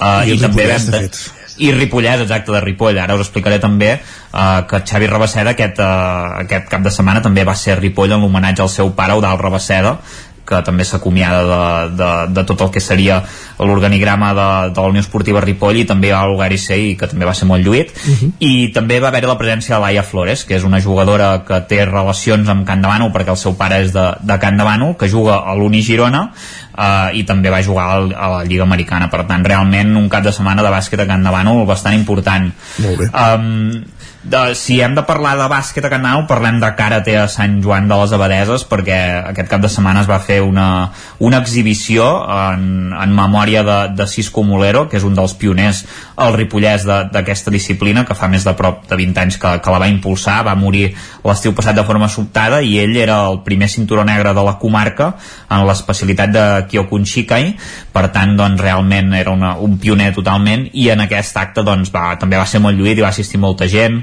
hi va haver-hi molts, molts karateques que, que, que s'hi van acudir, més, més d'una trentena. I, i bé, bàsicament hi va haver-hi eh, combats infantils, d'adults també es va fer una exhibició de katas de, de Goshin, Yaido eh, Kobudo, que són diverses disciplines eh, del karate i també es van trencar fustes, que potser és una de les que és més eh, visual i vistosa. Exacte, sí, sí. Uh, i bé, uh, sens dubte doncs, un bon record per Cisco Molero que evidentment la gent se l'estimava molt uh, al Club Karate Ripoll, que és on ell va desenvolupar tota aquesta activitat i evidentment sent Sant Joaní doncs a Sant Joan de, de les Abadeses. Um, dir-vos també que aquest cap de setmana es, van, es va disputar els Pro Division Games a, a Ripoll amb proves a la Devesa del Pla a, al camp de futbol i també a la piscina municipal. Eren bàsicament unes activitats per dir-ho d'alguna manera, d'una barreja de fitness i crossfit, amb més de 350 atletes que, que hi van participar. També va ser una activitat molt lluïda, amb proves de força, d'aixecar eh, pesos, de fer eh, abdominades, molt espectacular, eh, realment. Vull dir que es va, es va omplir de, de gent a Ripoll en aquest sentit i dir-vos també que finalment que es va celebrar la Trail de Ter que enguany doncs eh, arribava a la seva novena edició i en aquest cas hi havia dues distàncies. Hem de dir que Alejandro Villarino va ser el que va guanyar la prova reina de 44 quilòmetres i mig eh, ho va fer amb un temps de 4 hores 55 minuts i 21 segons. El podi el van completar Felipe González i Nil Gaja. En la categoria femenina va guanyar Sara Sanante que, que en aquest cas va encapçalar la prova des del primer minut i, i va, va ser totalment molt superior a les seves rivals. A 5 hores 44 minuts va fer per davant de Jessica Tipan i Cristina Talarn. I en la categoria de trail de 24 quilòmetres doncs eh, aquí en aquest cas els, el guanyador va ser Andreu Contijoc eh, el podi van completar Roger Comelles i Gerard Mangraner i en la categoria femenina la victòria va ser per eh, Núria Pons seguida d'Irena Fuentes i, i Núria Artells per tant realment doncs eh, unes proves molt interessants perdó dir-vos també que la, hi havia la prova express en què va guanyar Raül Raus i la guanyadora en categoria femenina va ser Mercedes Arcos. Molt bé. Doncs déu nhi el cap de setmana intens també esportivament parlant, tot i que ja està fora de competició. Gràcies, Isaac. A vosaltres. Parlem a la tertúlia. Fins ara. Fins ara. I acabem aquest repàs esportiu, com dèiem, els estudis del 9FM en companyia de l'Ester Rovira. Esther, bon dia. Bon dia. Com ha anat el que ens avançaves divendres aquest cap de setmana? Doncs mira, de força bé, eh, perquè tenim diversos èxits a celebrar. Eh, D'entrada en futbol, eh, el Torelló, eh, el primer equip femení del Torelló, eh, doncs es va classificar per disputar la Copa Catalunya eh, i va disputar eh, el primer partit aquest cap de setmana contra el Font Santa Fatjó, un equip d'una categoria superior, uh -huh. eh, perquè elles juguen a, a primera i el Font Santa és de, de primera divisió nacional, eh, i es van acabar imposant a, a la tanda de, de penals després que el temps reglamentari s'acabés amb un empat a, a dos gols eh, i per tant passen ronda a la, a la Copa Catalunya eh, doncs una bona manera de, de posar la cirereta a una temporada que ha estat bona per al Torelló que ha estat lluitant bona part de, del curs per, per pujar de categoria. Finalment no ha pogut ser i ha acabat en tercera posició però ara li ha arribat aquest premi de, de la Copa Catalunya i de moment doncs passa de, de ronda eh, després com dèiem d'eliminar de, el Font Santa Fatjó que és un equip d'una categoria superior eh, qui també va, va disputar un partit eh, important va ser l'equip infantil femení de, de l'Oarvic sí. que, que es va classificar per primera vegada per, per als campionats de, de Catalunya eh, i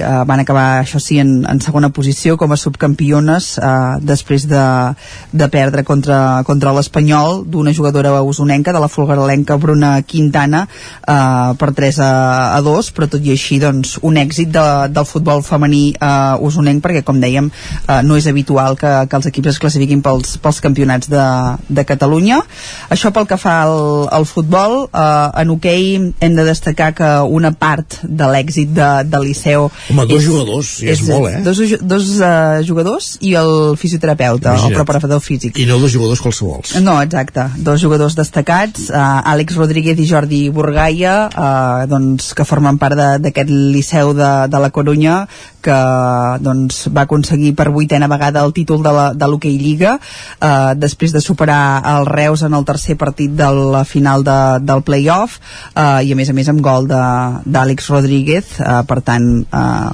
nou èxit de, del jugador voltreganès i com dèiem també amb, amb Marc Godellol eh, eh que és el preparador físic d'aquest equip i que és uh, biguetà, per tant uh, tres jugadors que uh, dos jugadors perdó i un preparador físic tres usonencs volia dir en aquest conjunt que va eliminar el Reus de Càndid Ballart el porter Mallauenc que, que també ha estat fent uh, una gran campanya en aquest uh, playoff però que finalment uh, doncs uh, es va quedar sense, sense premi. Era molt complicat perquè uh, amb el factor pista a favor el Liceu ja havia guanyat els dos primers partits per 5 a 1 i, i 5 a 2 i divendres va tornar a fer el, el mateix, va guanyar per, per 2 a 5 i per tant ho tenia tot molt el, el Reus va fer la feina bruta que era eliminar el Barça sí, però exacte. no va poder-ho arrodonir exacte, uh, de, de, va planar el camí no? sí, sí. En, el, en el Liceu i al final es va quedar sense premi l'esport té aquestes coses i, i, i en aquest cas doncs uh, una gran temporada uh, també s'ha quedat sense premi tot i que ser segon de l'Hockey Lliga uh, també té un mèrit immens eh? no,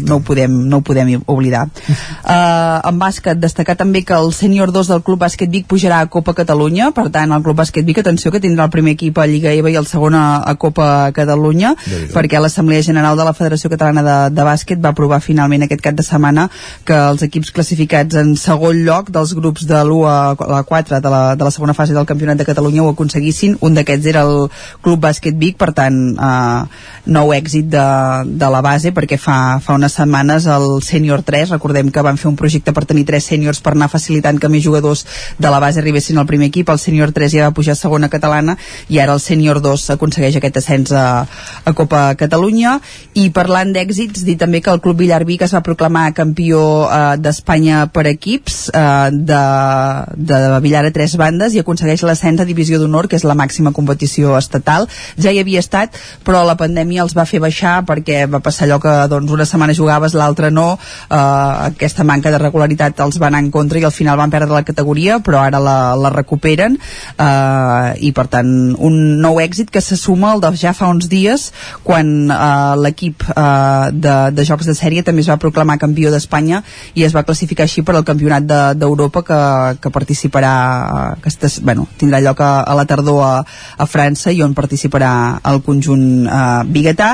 I acabem res amb, amb dos apunts més. Un, eh, aquesta cronoescalada a la Creu de Gurb que es va fer divendres a la tarda la, amb la seva novena edició una cita que és solidària i que va eh, plegar 180 atletes, ni més ni menys, on els guanyadors van ser Cesco Comte i Helena Mercader, i d'altra banda, aquest cap de setmana es disputava també el Rai Típic Internacional de Sant Boi, i aquí els guanyadors van ser en les diferents distàncies Hilari Soy, Clara La Torre i Maria Álvarez. I tot això tenint en compte que estàvem sota onada de calor. Exacte. I que encara doble mèrit. Sí. Gràcies, Esther. Que vagi molt bé. Bon dilluns. Avancem al territori 17, moment d'actualitzar-nos quan passen dos minuts i mig del punt de les 11. Territori 17, amb Isaac Moreno i Jordi Sunyer.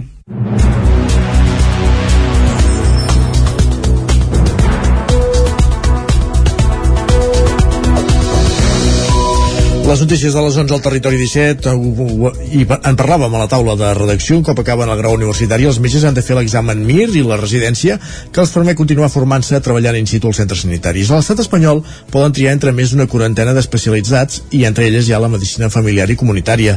Aquesta última opció, però, és poc atractiva i molts ni se la plantegen. A Osona han quedat vacants 14 de les 15 places disponibles. Exacte, Osona només ha cobert una de les 15 vacants de medicina en atenció primària que ofertava. L'alta càrrega laboral, la manca de recursos, sumat a factors com la poca atenció que se li ha dedicat des de les facultats de medicina, l'han convertit, l'han convertida en una especialitat invisible per la majoria d'estudiants que acaben optant per especialitats amb més compensació econòmica. L'escenari és especialment contradictori perquè des del punt de vista del ciutadà, els metges de família són els que estan més ben considerats. Una pràctica que sí que triomfa, en canvi, és la infermeria.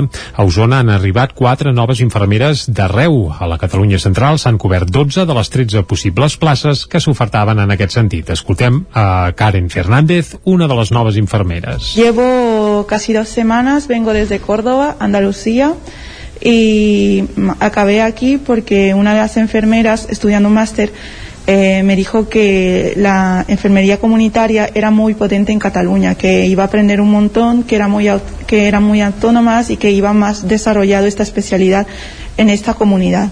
Entonces me decanté. El treball colze a colze i la proximitat amb els pacients és un dels punts que més valoren les infermeres, ho explica Victoire Gaine, que també és infermera. Jo m'atreu l'atenció la, primària sobretot perquè hi ha el seguiment eh, dels pacients tot al llarg de la vida, de, de, sí, poder, poder fer tot aquest seguiment des del naixement fins a la mort, de conèixer de manera molt més global a la persona, de poder atendre'l amb quasi qualsevol no, eh, problema que pugui, pugui patir. Després de 40 anys de feina, el doctor de família Josep Fontarnau s'ha jubilat. Diu que la tasca dels metges és totalment vocacional, però que la medicina familiar és molt demandant i que això pot fer recular algun estudiant a l'hora de triar la seva especialitat. És una medicina humana, és una medicina molt, molt, molt de peu de carrer, és una medicina de molt de relació humana. La medicina especialitzada disposa de tot el que tu no tens en el poble però d'alguna manera aquesta relació humana podria no estar tan intensa. El metge de família forma part de la família. Si l'administració no hagués posat la limitació d'entrades de metges en les facultats o d'estudiants en les facultats de medicina probablement ara hi haurien més metges probablement hi haurien més metges de família i probablement la gent que faria medicina a l'hora de decidir l'especialitat poder decidiria medicina de família. El fet de que hi hagi poca gent entrant a les facultats les especialitats s'emporten la majoria de la gent La preocupació per la manca de personal mèdic d'atenció primària també va arribar dilluns al ple de l'Ajuntament de Ceba, on, hi tenen, on no hi tenen metges, tot i tenir un cap des de fa 3 anys. A Castellterçol també hi ha problemes. Denuncien una manca de pediatre des que va començar la pandèmia i des que es va jubilar, el que hi anava cada dia. Una quinzena de treballadors del CAP de Torelló reclamen a l'Ajuntament que se'ls retiri mitja dotzena de multes que els han interposat per accedir al nucli antic amb els seus vehicles particulars per fer visites a domicilis. Segons expliquen, les visites programades a domicilis les fan amb els seus vehicles perquè el cotxe, que és propietat del CAP, només es fa servir per atencions d'urgència. I des de l'octubre passat, per entrar a determinats carrers del nucli antic de Torelló, cal tenir les matrícules registrades. Segons l'alcalde Marçal Ortuño, les sancions no es retiraran perquè les matrícules no es van inscriure i tampoc es va notificar que se n'havia fet ús en les 48 hores posteriors, tal com marca la normativa del consistori. Els sanitaris denuncien que en el moment que es van activar ningú els va avisar, ni des del mateix consistori ni des del CAP. Pere Vilarrasa és infermer del CAP de Torelló. Vam demanar-ho ja fa un parell d'anys i en principi ens van dir que no. Uh, després de tota aquesta problemàtica de les multes uh, jo em vaig reunir amb, amb l'alcalde i, i ens va prometre que, que posaria, registraria les matrícules dins l'Ajuntament per poder accedir al nucli urbà uh, crec que està en procés o està estan registrades ja, però això ha set eh, després de, de que ens fiquessin diverses multes per aquest motiu i d'haver-ho demanat ja anteriorment. Després d'una reunió que es va fer la setmana passada, les dues parts s'han entès i sembla que es facilitarà la inscripció d'aquestes matrícules. Detinguts quatre membres d'una associació canàbica a Sant Celoni per tràfic de drogues. La gent no consumia droga local, com estableix la normativa. Tampoc portaven un control exhaustiu dels usuaris. Núria Lázaro, des de Ràdio Televisió, Cardedeu. Els Mossos d'Esquadra han detingut quatre membres d'una associació canàbica de Sant Celoni acusats de delictes contra la salut pública per tràfic de drogues i d'associació il·lícita. Segons els Mossos, entre els arrestats hi ha el president i el secretari. En una investigació que va començar l'any 2019, els Mossos van poder comprovar que les persones que anaven al local de l'associació entraven i sortien en pocs minuts i, per tant, que no feien el consum de la marihuana dins del local, com estableix la normativa. Finalment, aquest dimecres van fer una entrada i registrar el local amb autorització d'un jutjat de Granollers i van trobar diners en efectiu, 1.150 euros i pots i sacs que contenien marihuana i hachís. En concret, 3,18 quilos de marihuana i 294 grams de hachís. També hi havia balances de previsió i bosses precintades que es creu que feien servir per distribuir la droga. En l'escorcó i els agents també van veure que l'associació no portava cap tipus de control exhaustiu dels usuaris de l'establiment. I encara al Vallès Oriental, Caldes de Montbui s'afegeix a la campanya Siguem Refugi, que denuncia la vulneració dels drets humans de les persones refugiades. Ona Codinenca, Caral Campàs. Caldes de Montbui s'ha afegit a la campanya Siguem Refugi, impulsada pel Fons Català de Cooperació al Desenvolupament. La iniciativa vol denunciar la vulneració dels drets humans de les persones refugiades i alhora acostar a la ciutadania la realitat del procés migratori i de la vida als camps de refugiats. En el marc d'aquesta campanya, l'Ajuntament de Caldes ha fet una crida a la població per concentrar-se el dia 20 de juny a les 6 de la tarda a la plaça Neus Català on s'instal·larà una exposició dedicada al camp de refugiats del Sàhara i es llegirà un manifest. La tria d'aquest camp respon a la vinculació que té amb Caldes a través de programes com Vacances en Pau, d'acollida d'infants saharauis durant l'estiu o projectes de cooperació impulsats pel consistori. A la campanya Siguem Refugi hi participen 22 municipis catalans que pretenen generar un debat sobre la realitat migratòria, tot presentant i difonent diversos materials i activitats al llarg de l'any. La iniciativa té quatre vessants. Una exposició informativa sobre 10 camps de refugiats del món amb testimonis sonors, una segona campanya comunicativa tant per mitjans digitals com convencionals, l'acció de sensibilització del dia 20 de juny i un manual per treballar a les escoles i instituts. Tona destinarà 50.000 euros del pressupost municipal d'aquest any a projectes proposats per la ciutadania en el marc dels pressupostos participatius.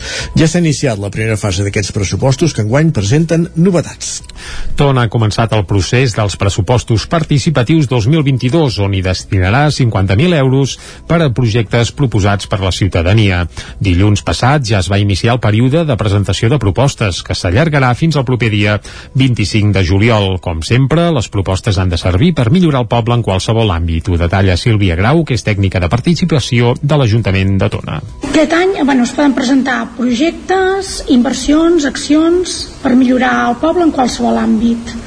Les propostes han de ser clares i concretes i amb l'objectiu de satisfer necessitats de, de, del municipi. Les propostes eh, aquest any també es dividiran en un llistat de propostes petites fins a 10.000 euros i un llistat de propostes mitjanes grans de 10.000 a 40.000 euros.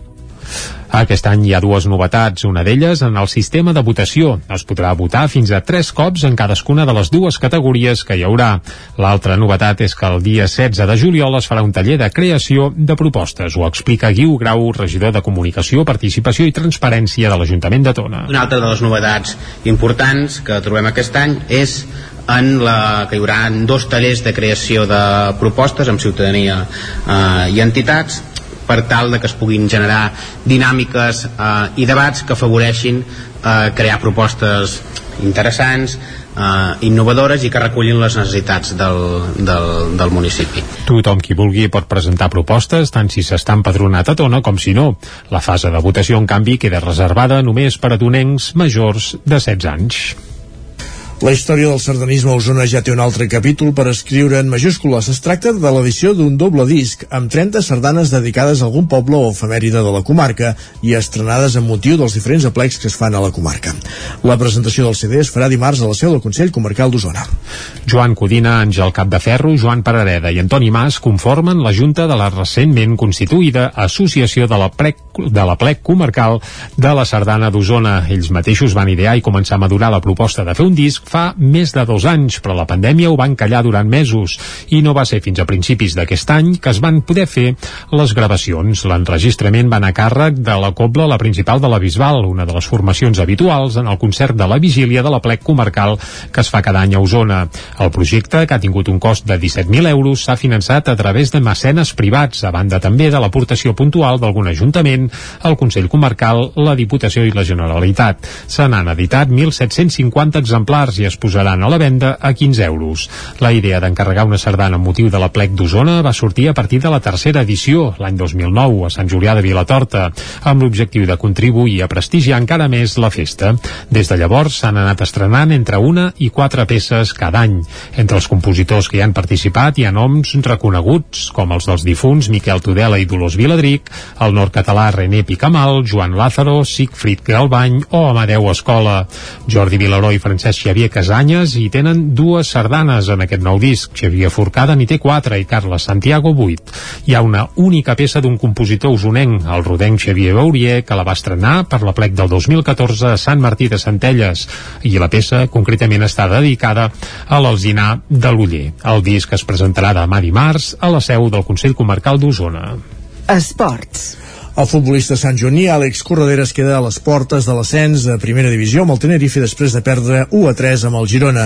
Isaac Muntades, la veu de Sant Joan. El futbolista Sant Joaní Àlex Corredera no va poder assolir l'ascens a la primera divisió del futbol estatal amb el Club Deportivo Tenerife després de caure a la tornada de la final del playoff d'ascens contra el Girona per 1 a 3. A l'anada, els tinerfenys havien arrencat un valuós empat a 0 de Montilivi. El partit es va decidir per petits detalls i van ser els gironins qui es van avançar quan faltaven 3 minuts pel descans amb un gol d'Estuani de penal per unes mans de Sergio González. El Girona havia monopolitzat el joc a la primera part, però la segona va veure com Carlos Ruiz empatava gairebé al minut 60 amb un cop de cap després d'una gran passada d'Àlex Corredera, però el Tenerife va rebre un segon cop amb un autogol de José León, que va desviar un centre xut d'Àlex Baena. Arnau Martínez va sentenciar 10 minuts pel final en rematar una falta al segon pal de manera acrobàtica. A Sant Joan dels Abadeses molta gent tenia el cor dividit perquè volien que l'Àlex aconseguís l'ascens, però alhora anaven amb el Girona. El mateix pare d'Àlex Corredera va anar a Tenerife a animar el seu fill i està convençut que algun dia jugarà a primera divisió il·lusió. Aquest és el seu somni, aquesta és la seva il·lusió. Ell des de petit ho ha tingut molt clar, eh? ell deia que volia ser arquitecte i volia ser futbolista.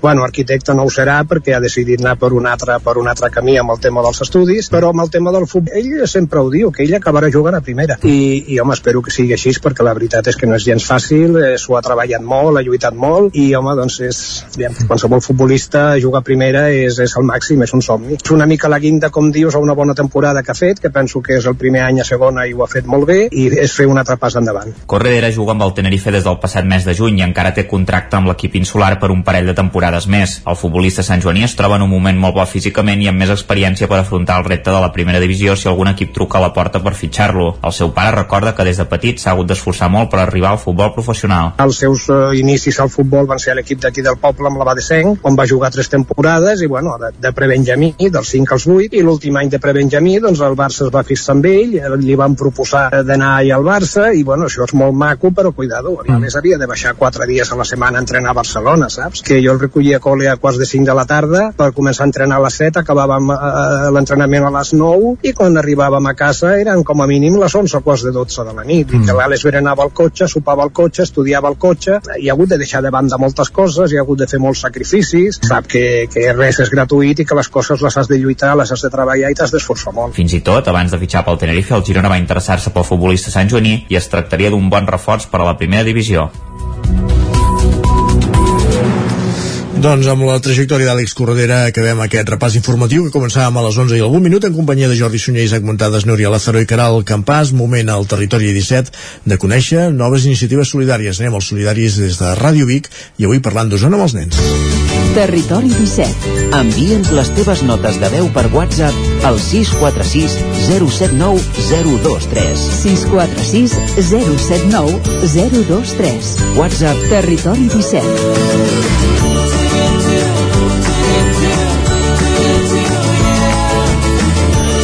Territori 17.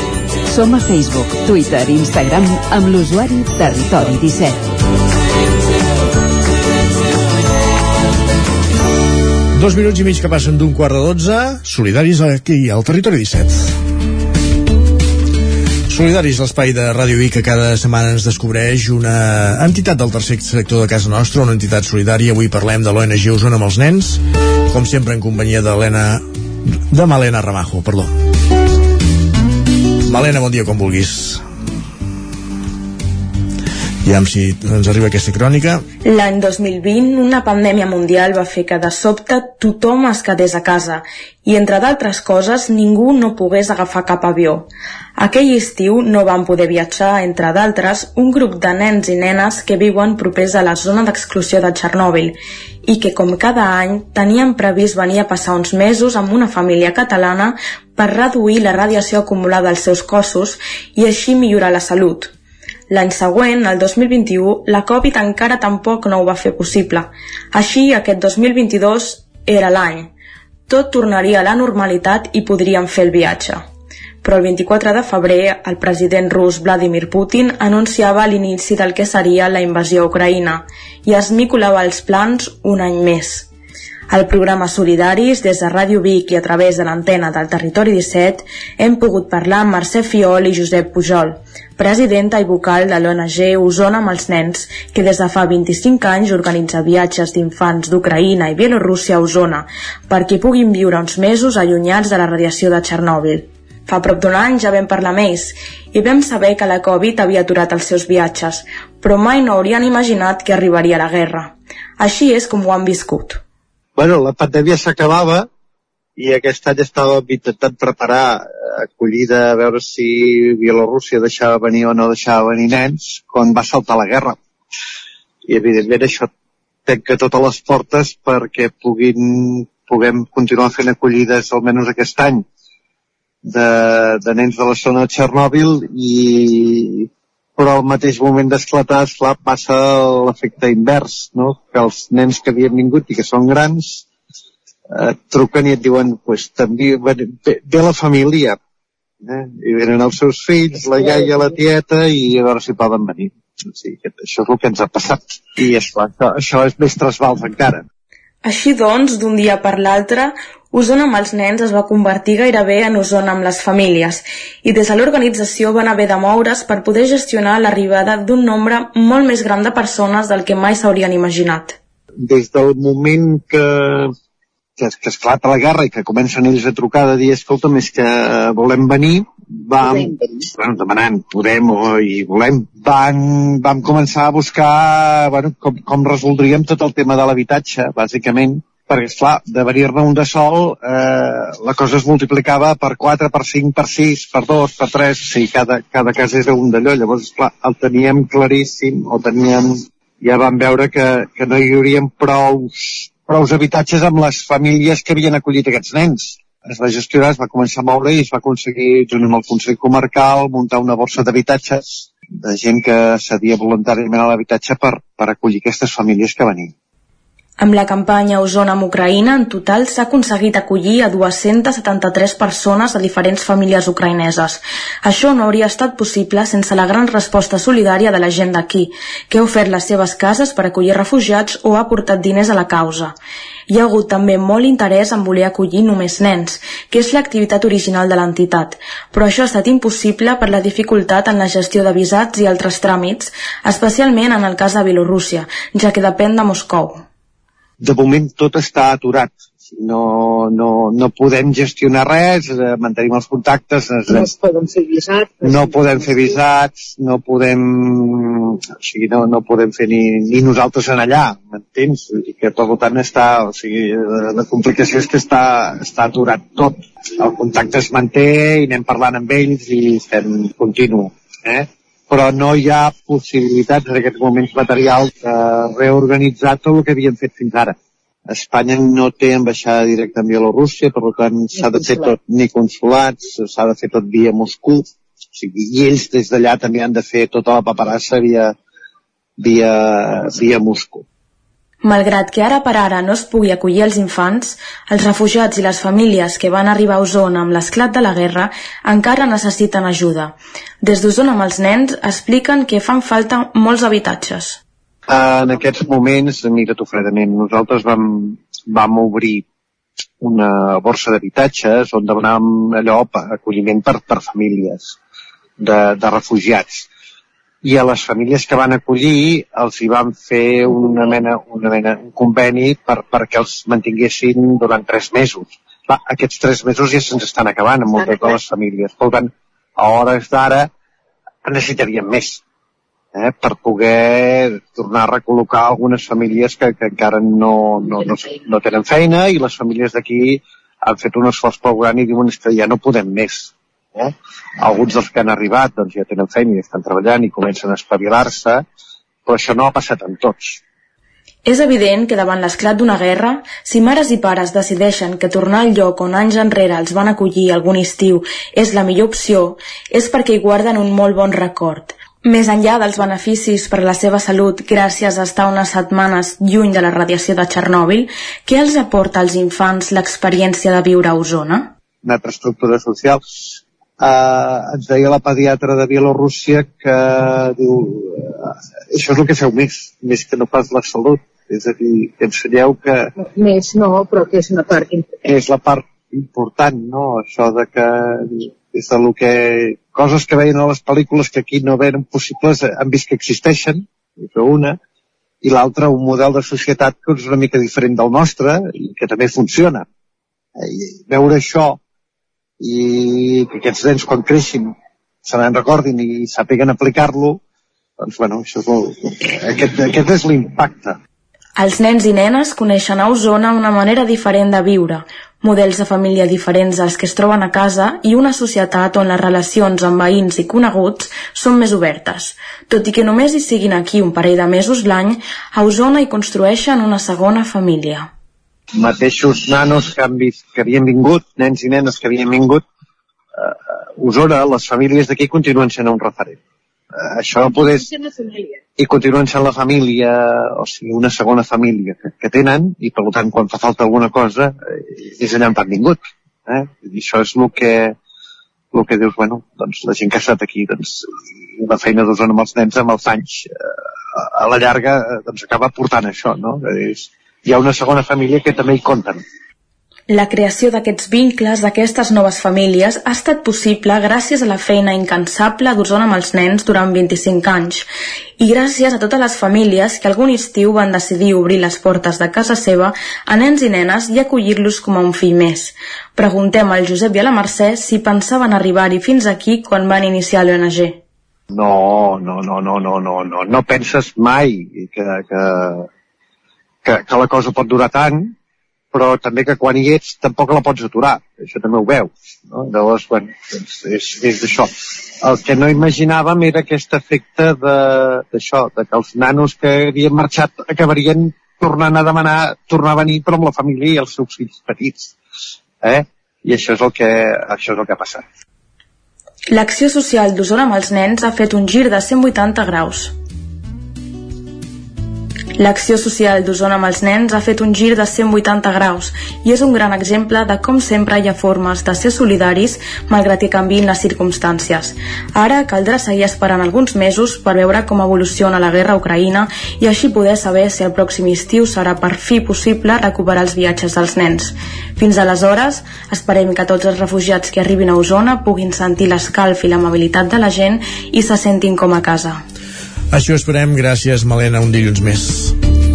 Osona amb els nens, com hem sentit, una ONG que ha vist estroncada la seva activitat primer per la pandèmia i ara pel conflicte amb Ucraïna. De fet, en aquest cas no l'ha vist estroncada, sinó que l'ha vist variada, perquè el que ha hagut ha sigut de gestionar l'acollida de, de famílies de, de refugiats de la guerra d'Ucraïna. Amb aquest testimoni arribem a la pausa d'aquesta tercera hora del Territori 17. 3 minuts i tornem amb la recta final del programa. Farem el recorregut habitual per l'R3, coneixent l'experiència dels oferts usuaris i acabarem amb la tertúlia esportiva de cada dilluns. Tot d'aquí 3 minuts. Fins ara. El nou FM, la ràdio de casa, al 92.8. Ja tenim aquí la rebella de Sant Joan. Prepara't! A Manli seleccionem el millor en pirotècnia, bateries, bengales, trons, coets, els millors preus, ofertes tots els dies de rebella i tot l'any. Visiteu el catàleg a manli.cat. Manli, al carrer Ramon Soler, telèfon 93 889 0484. Vic, Sant Joan, ja és aquí. Nou restaurant Samsara Vic. Vine a provar el nostre sushi, plats japonesos i asiàtics. Bufet lliure cada migdia a les nits i als caps de setmana. També disposem de menú infantil. Restaurant Samsara. Vine i et sentiràs en un altre món. Obrim de dimarts a diumenge. Ens trobaràs al carrer de la Fusina número 2 de Vic, a prop del Banc Santander i de la botiga Orange. O si ho prefereixes, truca'ns al 93 146 82 89. El restaurant Samsara us desitja una bona rebella de Sant Joan. Si tens pensat canviar la caldera o posar aire condicionat, posa't en mans a Pradell. Tenen les millors ofertes. Pradell instal·la calderes de biomassa, calderes de condensació, aire condicionat tant per a particulars com per a empreses. Apunta, Pradell, Avinguda Països Catalans, número 27 de Vic. Telèfon 93 885 11 97. Repetim, 93 885 11 97. Al racó del León i celebra la rebella de Sant Joan. Menú especial, coca de Sant Joan i llangonissa per tothom. Gaudeix de la rebella de Sant Joan al racó del León, carrer Torelló, número 35 de Vic. Fes la teva reserva al 93 889 19 50. No venguis al teu pis sense l'opinió d'un expert. A l'habitatge de Vic t'oferim un estudi de mercat amb tecnologia Big Data amb 30 dades reals que desconeixies sobre el teu pis. Truca al 93 889 42 77 i te'l portarem a casa sense cap cost. Plaça de l'Estació 8 de Vic. www.habitatge.com L'habitatge de Vic. Més de 30 anys al teu costat. L'habitatge us desitja una bona rebella de Sant Joan. Rètols 2 Art. Experts en comunicació visual. Rètols, vinils, impressió, plaques gravades, senyalització, displays electrònics, tall làser... Rètols 2 Art. Ens trobareu a la carretera de Vic a Olot número 7, al polígon Malloles de Vic. dosartvic.com Telèfon 93 889 2588. Rètols 2 Art us desitja una bona rebella de Sant Joan. El nou FM, el nou FM, el nou FM, el nou FM, el nou FM.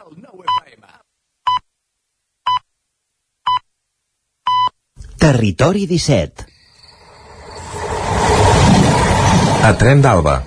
Cada dia els usuaris de la línia R3 de Rodalies que veuen sortir el sol des d'un vagó ens expliquen les gràcies i les penes del primer comboi que uneix Ripoll i Barcelona. Benvinguts a Tren d'Alba. Ei, recordeu que des d'aquest dilluns Renfe ha millorat l'oferta de serveis de la línia R1 entre Arenys de Mar i Calella en l'hora punta matinal els dies laborables de dilluns a divendres. Les novetats rauen en que el tren que surt de l'Hospitalet a les 7 i 30 minuts i el de les 8 i 9 minuts i que es quedaven a Arenys de Mar ampliaran el seu recorregut fins a Calella. En el segon cas sortiran dos trens de Calella fins a l'Hospitalet a les 9.36 i a les 10 i 6 minuts del matí. Anem a veure com li ha anat el dilluns a en Jordi Valls. Bon dia, sóc en Jordi a Centelles. Avui el tren de de les 6.07 cap a la gran ciutat, una miqueta decadent, la veritat sigui dita, ha arribat 7 o 8 minuts tard. Dic això perquè el primer que hem vist al sortir de l'estació ha estat un contenidor brut amb tot de llaunes i begudes i coses estranyes allà penjades. La primera visió del sortir de l'estació. Mola, mola. La veritat és que hi havia molta gent. Marxava canalla, que m'he trobat jo, canalla coneguda, m'ha fet molta gràcia, eh, de vacances. Després de la Cele, doncs gent que marxava de vacances, moltes maletes, era un estrany.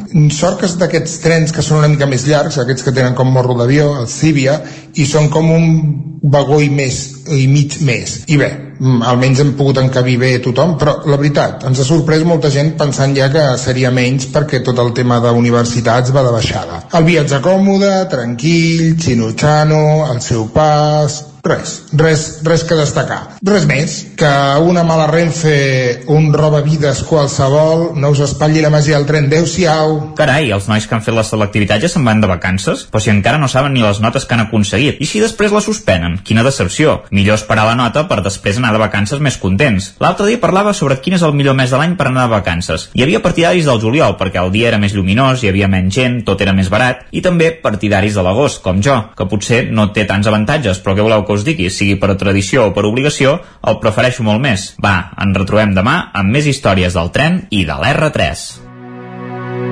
Territori 17 El 9 FM, la veu de Sant Joan, Ona Codinenca, Ràdio Cardedeu, Territori 17.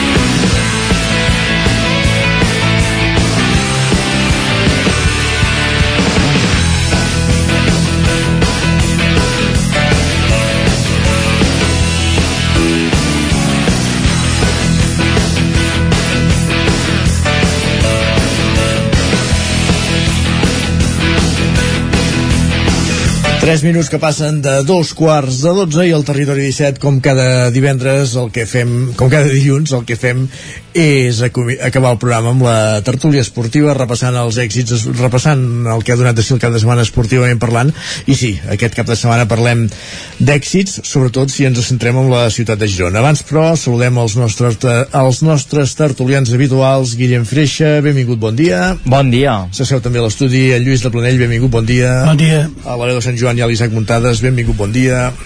Bon dia.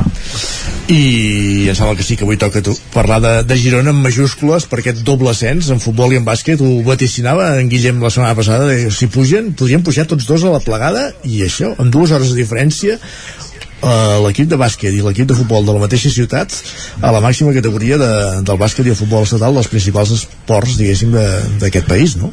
Sí, és, és gros, o sigui, el que va passar ahir a, a Girona a nivell esportiu jo crec que és molt gros. Girona venia d'anys de, de patacades, patacades en molts uh, sentits, perquè mm, tots no recordàvem aquestes últimes setmanes els ascensos frustrats a, a primera divisió. Fins i tot l'any del descens jo crec que ningú sap ben bé com van baixar de categoria perquè eh, mes de març, abril quedaven 4 o 5 punts per lligar-ho eh, es va anar mantenint que arribarien, que arribarien, que arribarien aquests punts.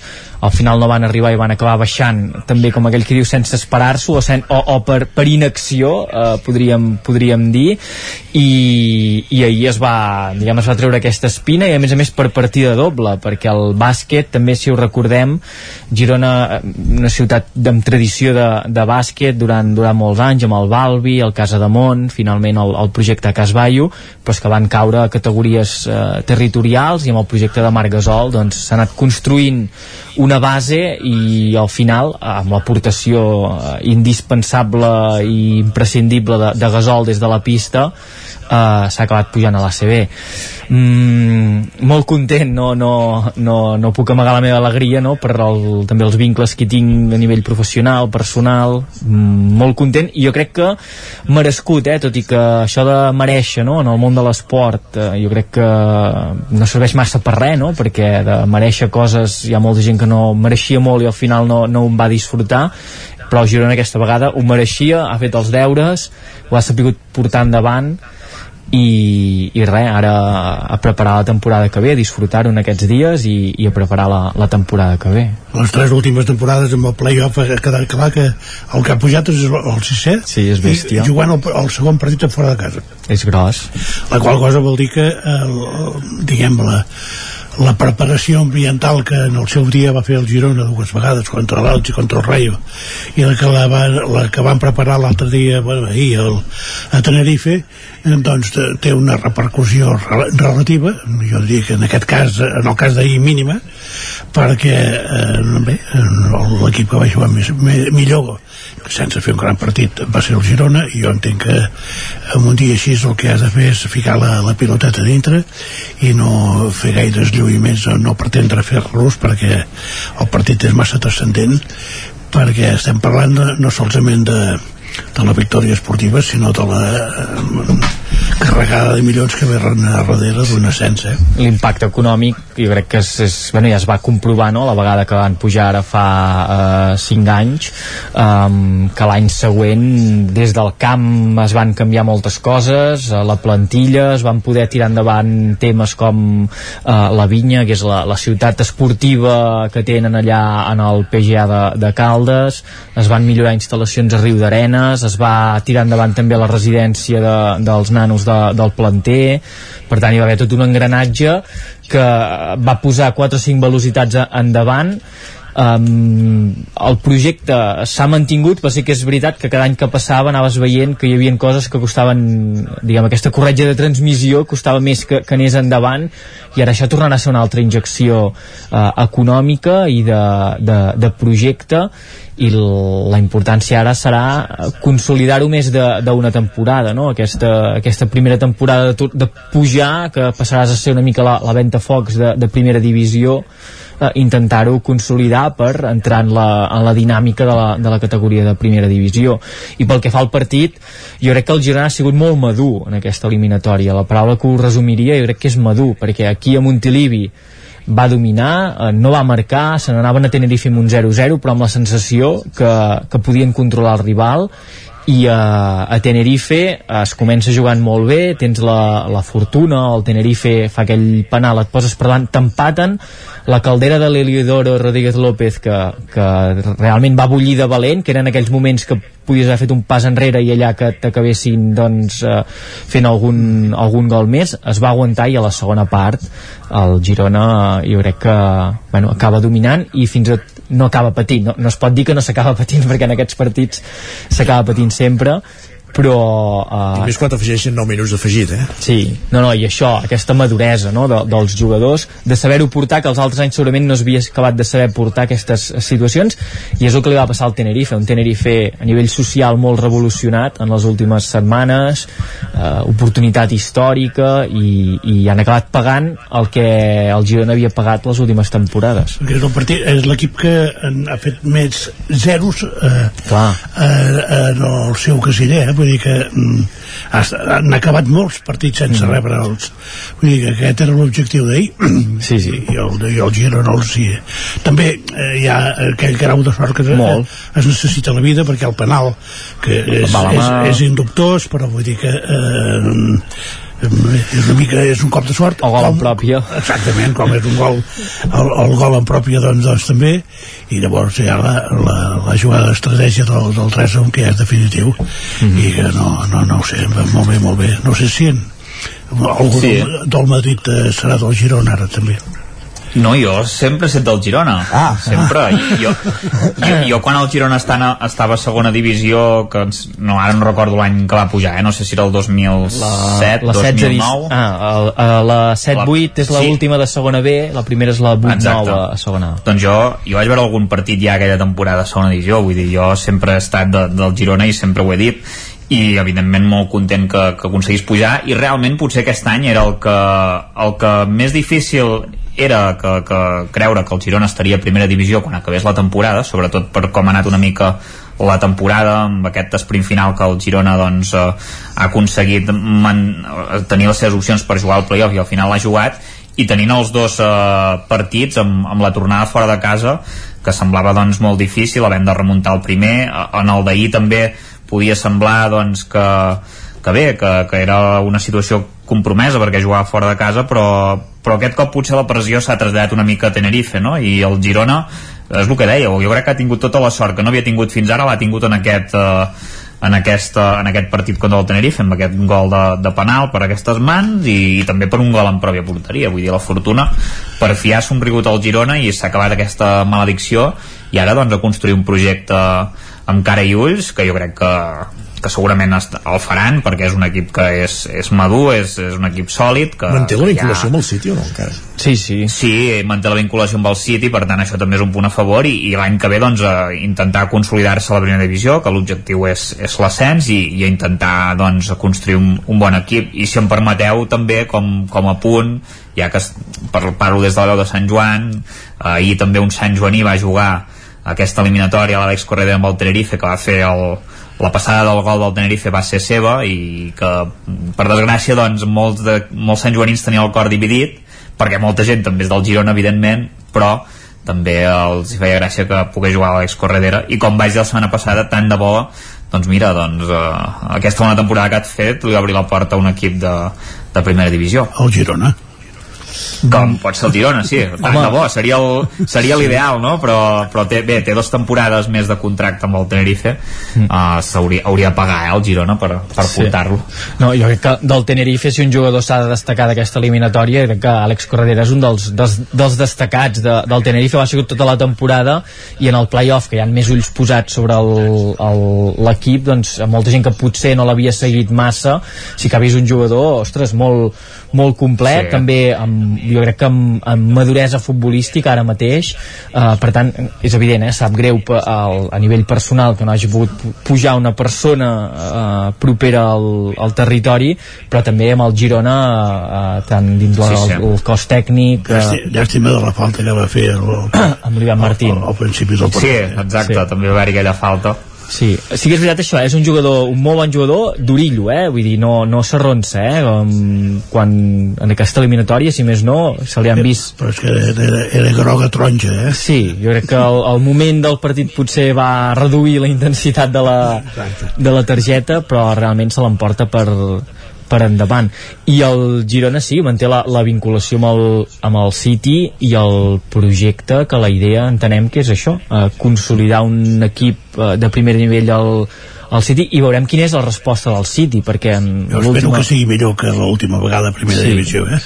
l'únic que també costa de, de valorar eh? perquè el mm. City va cedir jugadors va aportar jugadors a, a Girona jugadors que eren del seu entorn i per exemple hi van haver casos que no van funcionar hi ha el cas del, de Douglas Luiz eh, que era un jugador molt jove va arribar amb, amb res, amb, amb 19-20 anys a Girona no va acabar d'encaixar no se li va veure eh, bueno, massa masses fortaleses i en canvi ara està triomfant a la Premier League al, a l'Aston Villa és el, el... Però Couto, també va venir un Couto no, en el seu dia també que sí. també però això era l'any passat, eh? ja no era primera. Era l'any passat, eh? Sí, però vull sí, dir que sí, sí, sí. Però vull dir, a primera, algun jugador, no? A primera, sí. que haurien de venir jugadors, diguem, ja amb un, amb un nivell contrastat, amb un potencial molt gran. Eh, sí que és veritat això, que hi ha aquestes apostes de jugadors joves que aquí a Girona potser són massa joves perquè a més a més és el primer pas, per exemple el Douglas Luiz és el primer pas que venia de, de, de Brasil que sortia de casa seva.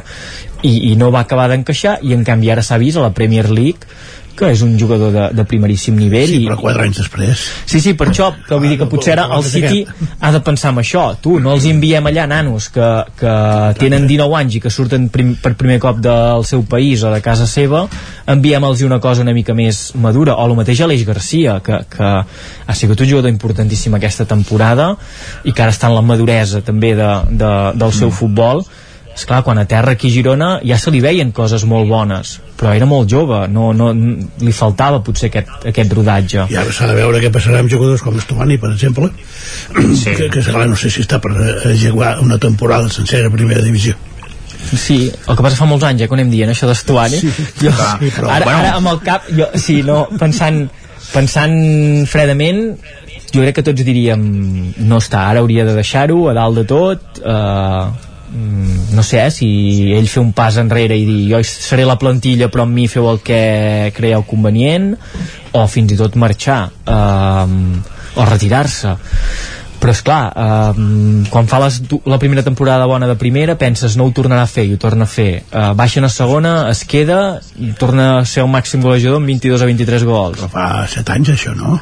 bueno, no, va venir a la 17-18 sí, 6, 6 anys. Però vull dir que ho ha anat fent i aquesta temporada que venia l'any passat amb moltes lesions amb poca continuïtat s'ha tornat a posar l'equip sí, a la... és que jo penso més en l'aspecte físic eh, sí, sí, sí, cada. naturalment l'experiència.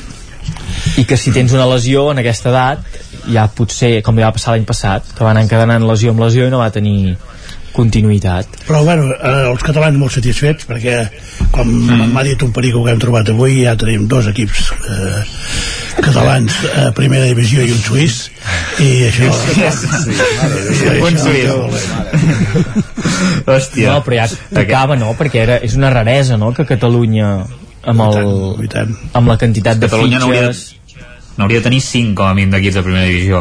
Ah, mira tu Madrid. Com a mínim hi hauria d'haver el Tarragona també el Nàstic i, el i com a mínim el Lleida també. Sí, o si- els, o el Sabadell o algun d'aquests equips Sí. o Terrassa. O si més no en presència al futbol professional ja no, no sé si Sí, primera sí. divisió.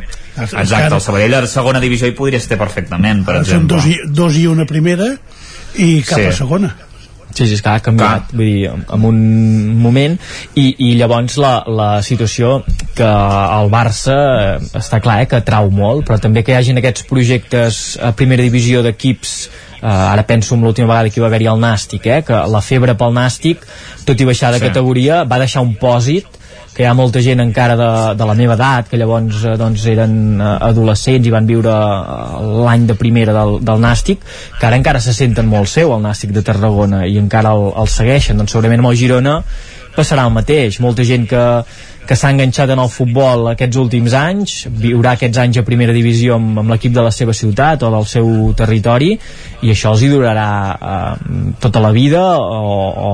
a part del projecte del, del Girona sembla més ferm perquè com Sí. dius tu va pujar a segona el 2007 Sí, sí, clar. Bueno, és que el Girona ha mantingut molts anys de projecte. Clar, és que el, el, el projecte del Girona realment, de, des de que ha jugat totes aquestes promocions d'ascens, que n'ha jugat un pilot, ara, ara no sé quantes n'ha jugat, 5 o 6 de promocions o- d'ascens? o set. O 7. 7 potser et sembla clar, és que és un equip que estava cada any eh? el, Sí, el Nàstic sí, sí. realment va tenir el boom que va pujar a primera divisió va ser un equip ascensor, va, va, baixar i em sembla que des de llavors va jugar un playoff només, crec Sí, sí, el, la, sí, I el, el- i- el Sí, i 18, el 16-17 juguen al playoff també, el Nàstic. Exacte, i perden i baixen, em sembla, si no recordo La següent, malament, la sí, següent sí. temporada. Sí, sí, Sí, sí. que va ser molt dur. Mm. I, i el que dèiem també, futbol però esclar, és que va haver-hi doble celebració i a Girona mm. uh, déu nhi també l'ascens de, del bàsquet Girona, la progressió per tornar a l'ACB no sé si Més la, cantat aquest, eh, jo crec. no sé si la competició estava adulterada tenint en compte que hi havia la figura de Marc Gasol a la pista o, o no No. No. Si vol anar a jugar amb el Girona, Sí, sí, no, que és el sí, president sí. del... Però- Ah, és que és el president, Bueno. és el president del club. Sí, ja, vull dir... per, Però- per categoria sí que està adulterada perquè clar, Marc Gasol no és un jugador No. de, de, de, de, De report, exacte, de report eh? Vull dir, això està claríssim No, Ara, clar. esclar, Jo- té tot el dret a fer-ho Totalment, però jo no hi entenc massa de bàsquet, però sí que vaig anar mirant el partit i sense entendre-hi massa de bàsquet veies coses de, de superjugador perquè eh, hi havia un llançament de l'Estudiantes, el rebot no sabies com allà sempre hi havia Marc Gasol agafant el rebot. En atac eh, s'acabava la possessió la pilota sempre acabava anant a les mans de Marc Gasol i un revers, un llançament de mitja distància I semblava que, que jugava el 40%, eh? Sí, perquè es va Ah, lesionar no, no. Fa dos anys guanyava l'anell amb Toronto i, Ah. i amb els Toronto Raptors NBA i ahir estava bueno, aconseguint l'ascens i, i això tenia tocat el genoll però bueno, és un jugador de la seva talla per poc que pogués, és que ja ho va dir ell em sembla després del partit, jo no, no solo córrer massa durant els partits no li cal no, no. que anant al, anant al 40% 50% és molt millor que qualsevol jugador de, dels que hi havia ahir i amb el, amb el bàsquet sí que hi ha hagut un clic no? després de, es va fer aquest projecte aquesta temporada competint a l'Eport doncs una mica aviam què, què passava sí que, bueno, amb ambició però tampoc sense obligació a partir de Nadal les coses no anaven massa bé hi ha canvi d'entrenador s'hi fica Marc Gasol a la pista fitxen un parell de jugadors, ara no em feu dir els noms però sí que es veu que han, fitx, bueno, van fitxar un parell de jugadors que, que han funcionat molt bé i jo crec que el que dèiem de les dinàmiques no? l'equip Sí. ha començat a enganxar dinàmica guanyadora un, un far no? al capdavant com és Marc Gasol i llavors la final a 4 Fontejau que en aquest eh, sentit sí que els hi ha, els hi ha jugat a favor De uh, totes maneres, jo, jo vaig veure en, gairebé o seguit el, el Madrid-Barça. Uh -huh, de bàsquet? De bàsquet. Exacte, I ara de- parlarem també suposo. Suposo. I després podem parlar, I de- podem parlar de l'handbol eh? sí. I no, no cal. I després el, el Girona Estudiantes. És clar, la diferència és, és més que notable. Ja ho sé que eren els dos primers ja, ja. Eh? però la diferència era, era més que notable eh? en tots els aspectes i de, de estudiantes, eh? també és un històric del bàsquet espanyol jugant per donar la CB eh? Bueno, i aquests em sembla també una mica tipus l'Eibar de, de segona A, no? Que tota la temporada estan Sí. a dalt, a dalt, a dalt, a dalt, se'ls escapa l'ascens directe, cauen a, al playoff i es troben amb això, amb Marc Gasol i Girona que els hi tanca les, les portes uh, sí, un projecte històric que uh, ara li tocarà remar fort no? perquè em sembla que van baixar fa la temporada passada uh, sí. bueno, l'any aquest de Bueno, tornar fa a dues, pujar eh? ah, fa dues ja Ah, no, no, no, no, espera, espera, no, sí, sí, sí, aquest és el primer any que estaven a segona divisió, Val, sí, sí, clar, sí. és allò de pujar i baixar sí. o pujar i, que, ai, i baixar Ah. i quedar-t'hi uh, canvia la, la situació tant per massa social com per recursos mm, tant un equip com l'altre vull dir que tindran, o sigui, el Girona tindrà molta feina a, a fer una plantilla de, de Sí, CB. eh? Però aquí tornarà a haver el factor diferencial Marc Gasol, ja no en el sentit de jugar eh, que no sé si continuarà jugant o no eh, però la capacitat de captar talent que pugui tenir Marc Gasol jo crec que Sí. serà important i llavors un altre Clar. factor que mm, a Girona, que potser no és tan conegut a Girona encara queda un reducte important de gent vinculada al, al bàsquet Girona però que s'han anat buscant la vida en altres, en altres àmbits per exemple eh, Martí Artigas és ara mateix un, havia sigut delegat del Girona de bàsquet quan estaven a, ACB, època Casballo ara mateix és, és scouter de, dels Orlando Magic de l'NBA que veu molts jugadors, que segur que si se li demana pot donar un cop de mà a buscar perfils, eh, jugadors d'algun tipus, que segur que tota aquesta gent que està, diguem ara, eh, repartida per tot el, el món o per tot el continent europeu i que mantenen un vincle amb Girona, perquè a més a més aquesta flama del bàsquet de Girona sí que s'ha anat mantenint viva tot i les penúries que han passat, que segur que, que tornaran cap a, cap a Girona a donar un cop de mà, eh? potser no en primera línia o ocupant un càrrec, però que hi seran. I Marc Gasol jo crec que també si tu ets un jugador eh, d'algun equip i et truca Marc Gasol i et presenta el projecte i ajuda, eh? jo crec que, que hi vagis però sí, sí que serà. En i en Pau. Pau. I el petit em sembla que també està ficat amb temes de gerència del club i No, però esclar, si, si truquen Marc Gasol o en Pau Gasol per parlar de bàsquet, sí, sí. Eh, com a mínim t'hi poses. Sí, no, a mínim. respons al, al telèfon. Sí, no, Sí, jo sí, crec sí. això, eh, que segur que serà un any de transició tant al bàsquet com al futbol, que no, no els veurem potser a la primera part de la classificació, però que hi ha matèria com per consolidar-ho, que no és allò un bolet, no?, de, de es puja i, i aviam què passa, o els Exacte. inversors desapareixeran de la nit al dia. Com deia l'Isaac, eh, a primera de, de bàsquet hi ha quatre equips catalans. Sí. Sí, sí, és que, és que, és que amb el bàsquet és molt diferent. que de fet hi van Molt, ser molt. molts anys ja, l'època del Balbi Girona va, va durar molts anys i eren els quatre Sí, Va- hi havia Lleida TDK també, no? i, i Balbi i després va pujar era Lleida, de Mont Lleida. sí, sí. Clar, el Lleida no va poder pujar perquè hi havia, Girona. era, era Girona o Lleida. Sí, sí. sí. A, Sí, sí. a Tarragona potser ha costat més que, que Sí. hi hagi eh, bon bàsquet, però, Sí. però bueno, és, és això, quatre equips catalans és el mínim a la màxima categoria de qualsevol esport. Sí, per població Sí, sí, sí. i per potencial hauria de ser així. És I Girona, recordem també que, òbviament, ara han pujat a la màxima categoria els, els dos esports que tenen més seguiment a, a casa nostra, com són el futbol i el bàsquet, i els que mouen més diners, però esclar, també tenen el bàsquet femení competint a Exacte. Europa des de fa anys, l'hoquei Ok. patins, eh, vull dir que Déu-n'hi-do el, el, Sí, sí. diguem, el panorama esportiu de, de Girona. Si algú és seguidor de en Lluís de Planell de Girona, no sé com s'ho deu fer el cap de setmana per anar a seguir tots els esports de, de la ciutat, eh? perquè se'ls Ja és complicat, ja. Bueno, ara que amb això que el futbol juguen el divendres, ja veuràs que el Girona se li tocaran partits Ja. el divendres i el dilluns, O, Sí, sí. o el dilluns, Pot ser. exacte. Perquè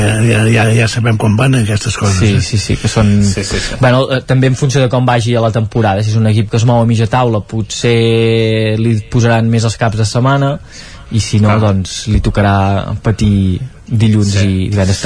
Això, eh? Futbol de primera divisió a, a, a 45 minuts. 45 minuts, sí, sí, perquè Montilivi és aquí mateix. Vull dir que... Què? Per cert, jo, Digues, digues. sí, jo, vol, jo volia dir una cosa, dic, clar, hem parlat de bàsquet i, i, i no, hem, no hem parlat gaire de, del El, fracàs. Bar el que ha Barça va guanyar la Champions en vol, la segona consecutiva. I, eh? No, res, fora, fora, Sí que- fora. Home. El, ma, ma, el Madrid campió de l'ACB per 36a I el Liceu, i vegada. el Liceu ha guanyat l'Hockey Lliga, per cert. Ostres, com, com voleu tapar-ho, eh? Com voleu tapar-ho, eh? Ostres, però... Amb dos jugadors de no, nens als seus files, eh? Que per cert, Oi, el, oi, oi, oi. el, el Barça no va arribar ni, ni a la final de l'Hockey Lliga. Cert? Dic, Sí, sí, exacte, això no ho dieu, eh, també? El, el Víctor Porca, tio. Aguantem el xaparrón aquests 4 minuts i... No, no, no, no, no, no. Aquí, sí, aquí, aquí el que passa és que, ostres, jo crec que va ser un fracàs de la secció que a partir de la S'han Copa girat del les Rei... tornes en dos mesos, una cosa bàrbara, eh? Sí. Sí, i el Madrid és que més a més el Madrid, clar, no tenia bases. Mm, Dos jugadors apartats jugadors lesionats, algun fins i tot un es va lesionar al primer minut de la final de la Lliga contra el Barça i Randolph es va lesionar en el primer partit del Madrid Pablo Lasso li agafa un infart abans de les semifinals i no pot dirigir l'equip és que clar, és que el Barça ha perdut contra un Madrid amb, que no tenia ningú i físicament el Madrid ha estat superior com, com s'explica això? És que no, no. o sigui, ha quat, superior als quatre partits no hi ha, jo crec que no hi ha arguments per, per, per justificar Sí, no, el no. que ha passat amb el bàsquet aquest any i que tot es torça a la, a la, Champions. a la Champions, sí, a la Final Sí, Four sí. de, de l'Eurolliga uh, jo crec que una mica abans, eh, ja Bueno, hi havia hagut no, de, uh, Sí. allò espornejades de que alguna cosa fallava, sí. però que la patacada de l'Eurolliga llavors s'ha arrossegat uh, durant Sí, sí, tot sí. el playoff de, de, la, de la Lliga convencional i el bàsquet en canvi del Madrid jo crec que al revés no? el, la, el de l'Eurolliga va ser com un com un punt d'inflexió de dir tot i que la gent no hi comptava massa uh, hi som i ara en el playoff de Lliga també amb tot el que ha passat no? amb en Pablo Lasso que va tenir que era un Sí. infart no? Sí. um, també jo crec que els ha unit més i aquestes coses a vegades Exacte. que són així intangibles en els equips doncs Sí. uh, Sí, fan sí. un efecte efervescent i els hi va bé i llavors el talent, que òbviament tot és les lesions i, Sí, i el que hi ha explicaves I el Felipe Reyes ja s'ha retirat o, o està lesionat? Sí, s'ha retirat. Jo, és que si arriba a haver-hi Felipe Reyes guanyant de 20 punts tots els partits. bueno, en, en Rudi no? també Rudi, Clar, no ha clar jugat gaire en Rudi. Sí, però, juga per poc, exemple, ja. en l'Eurolliga eh, encara en va enxufar alguna i, i jo ho pensava, Sí. pensava, però aquest tio no estava acabat? Què fa encara jugant? I en Sergio Llull també diuen que està Ah, acabat. Sergio i Llull, exacte, també. Les enxufa, sí, sí, sí. sí. Tot, tot, tots. Bueno, són, A la premsa de Mallorca parlen de, de, del Madrid de bàsquet per això, perquè, perquè ell se'l fan seu, eh? A la de Madrid parlen del tennis, però en Nadal també, no? És, bueno, Exacte. aquests te territoris transvassaments. No sé, bueno, es disfruta l'any que ve a l'esport català, jo crec que serà un any, un any maco i que... Sí, home, amb dos catalans a primera ja fa, començarà a fer goig, això. Nois, ho deixem aquí. Gràcies a tots tres per ser-hi un dilluns més. Adéu. Guillem Freixa, Lluís de Bon dia. Isaac Montàs. Adéu, vagi bé, bon dia. I acabem Adéu. també el Territori 17 i tornem demà a la mateixa hora. A partir de les 9 serem aquí. Bon dilluns a tothom.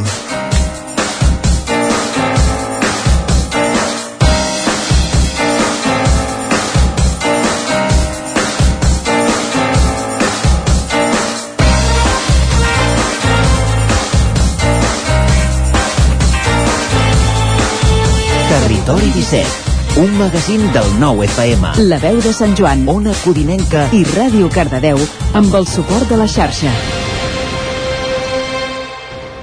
el nou FM.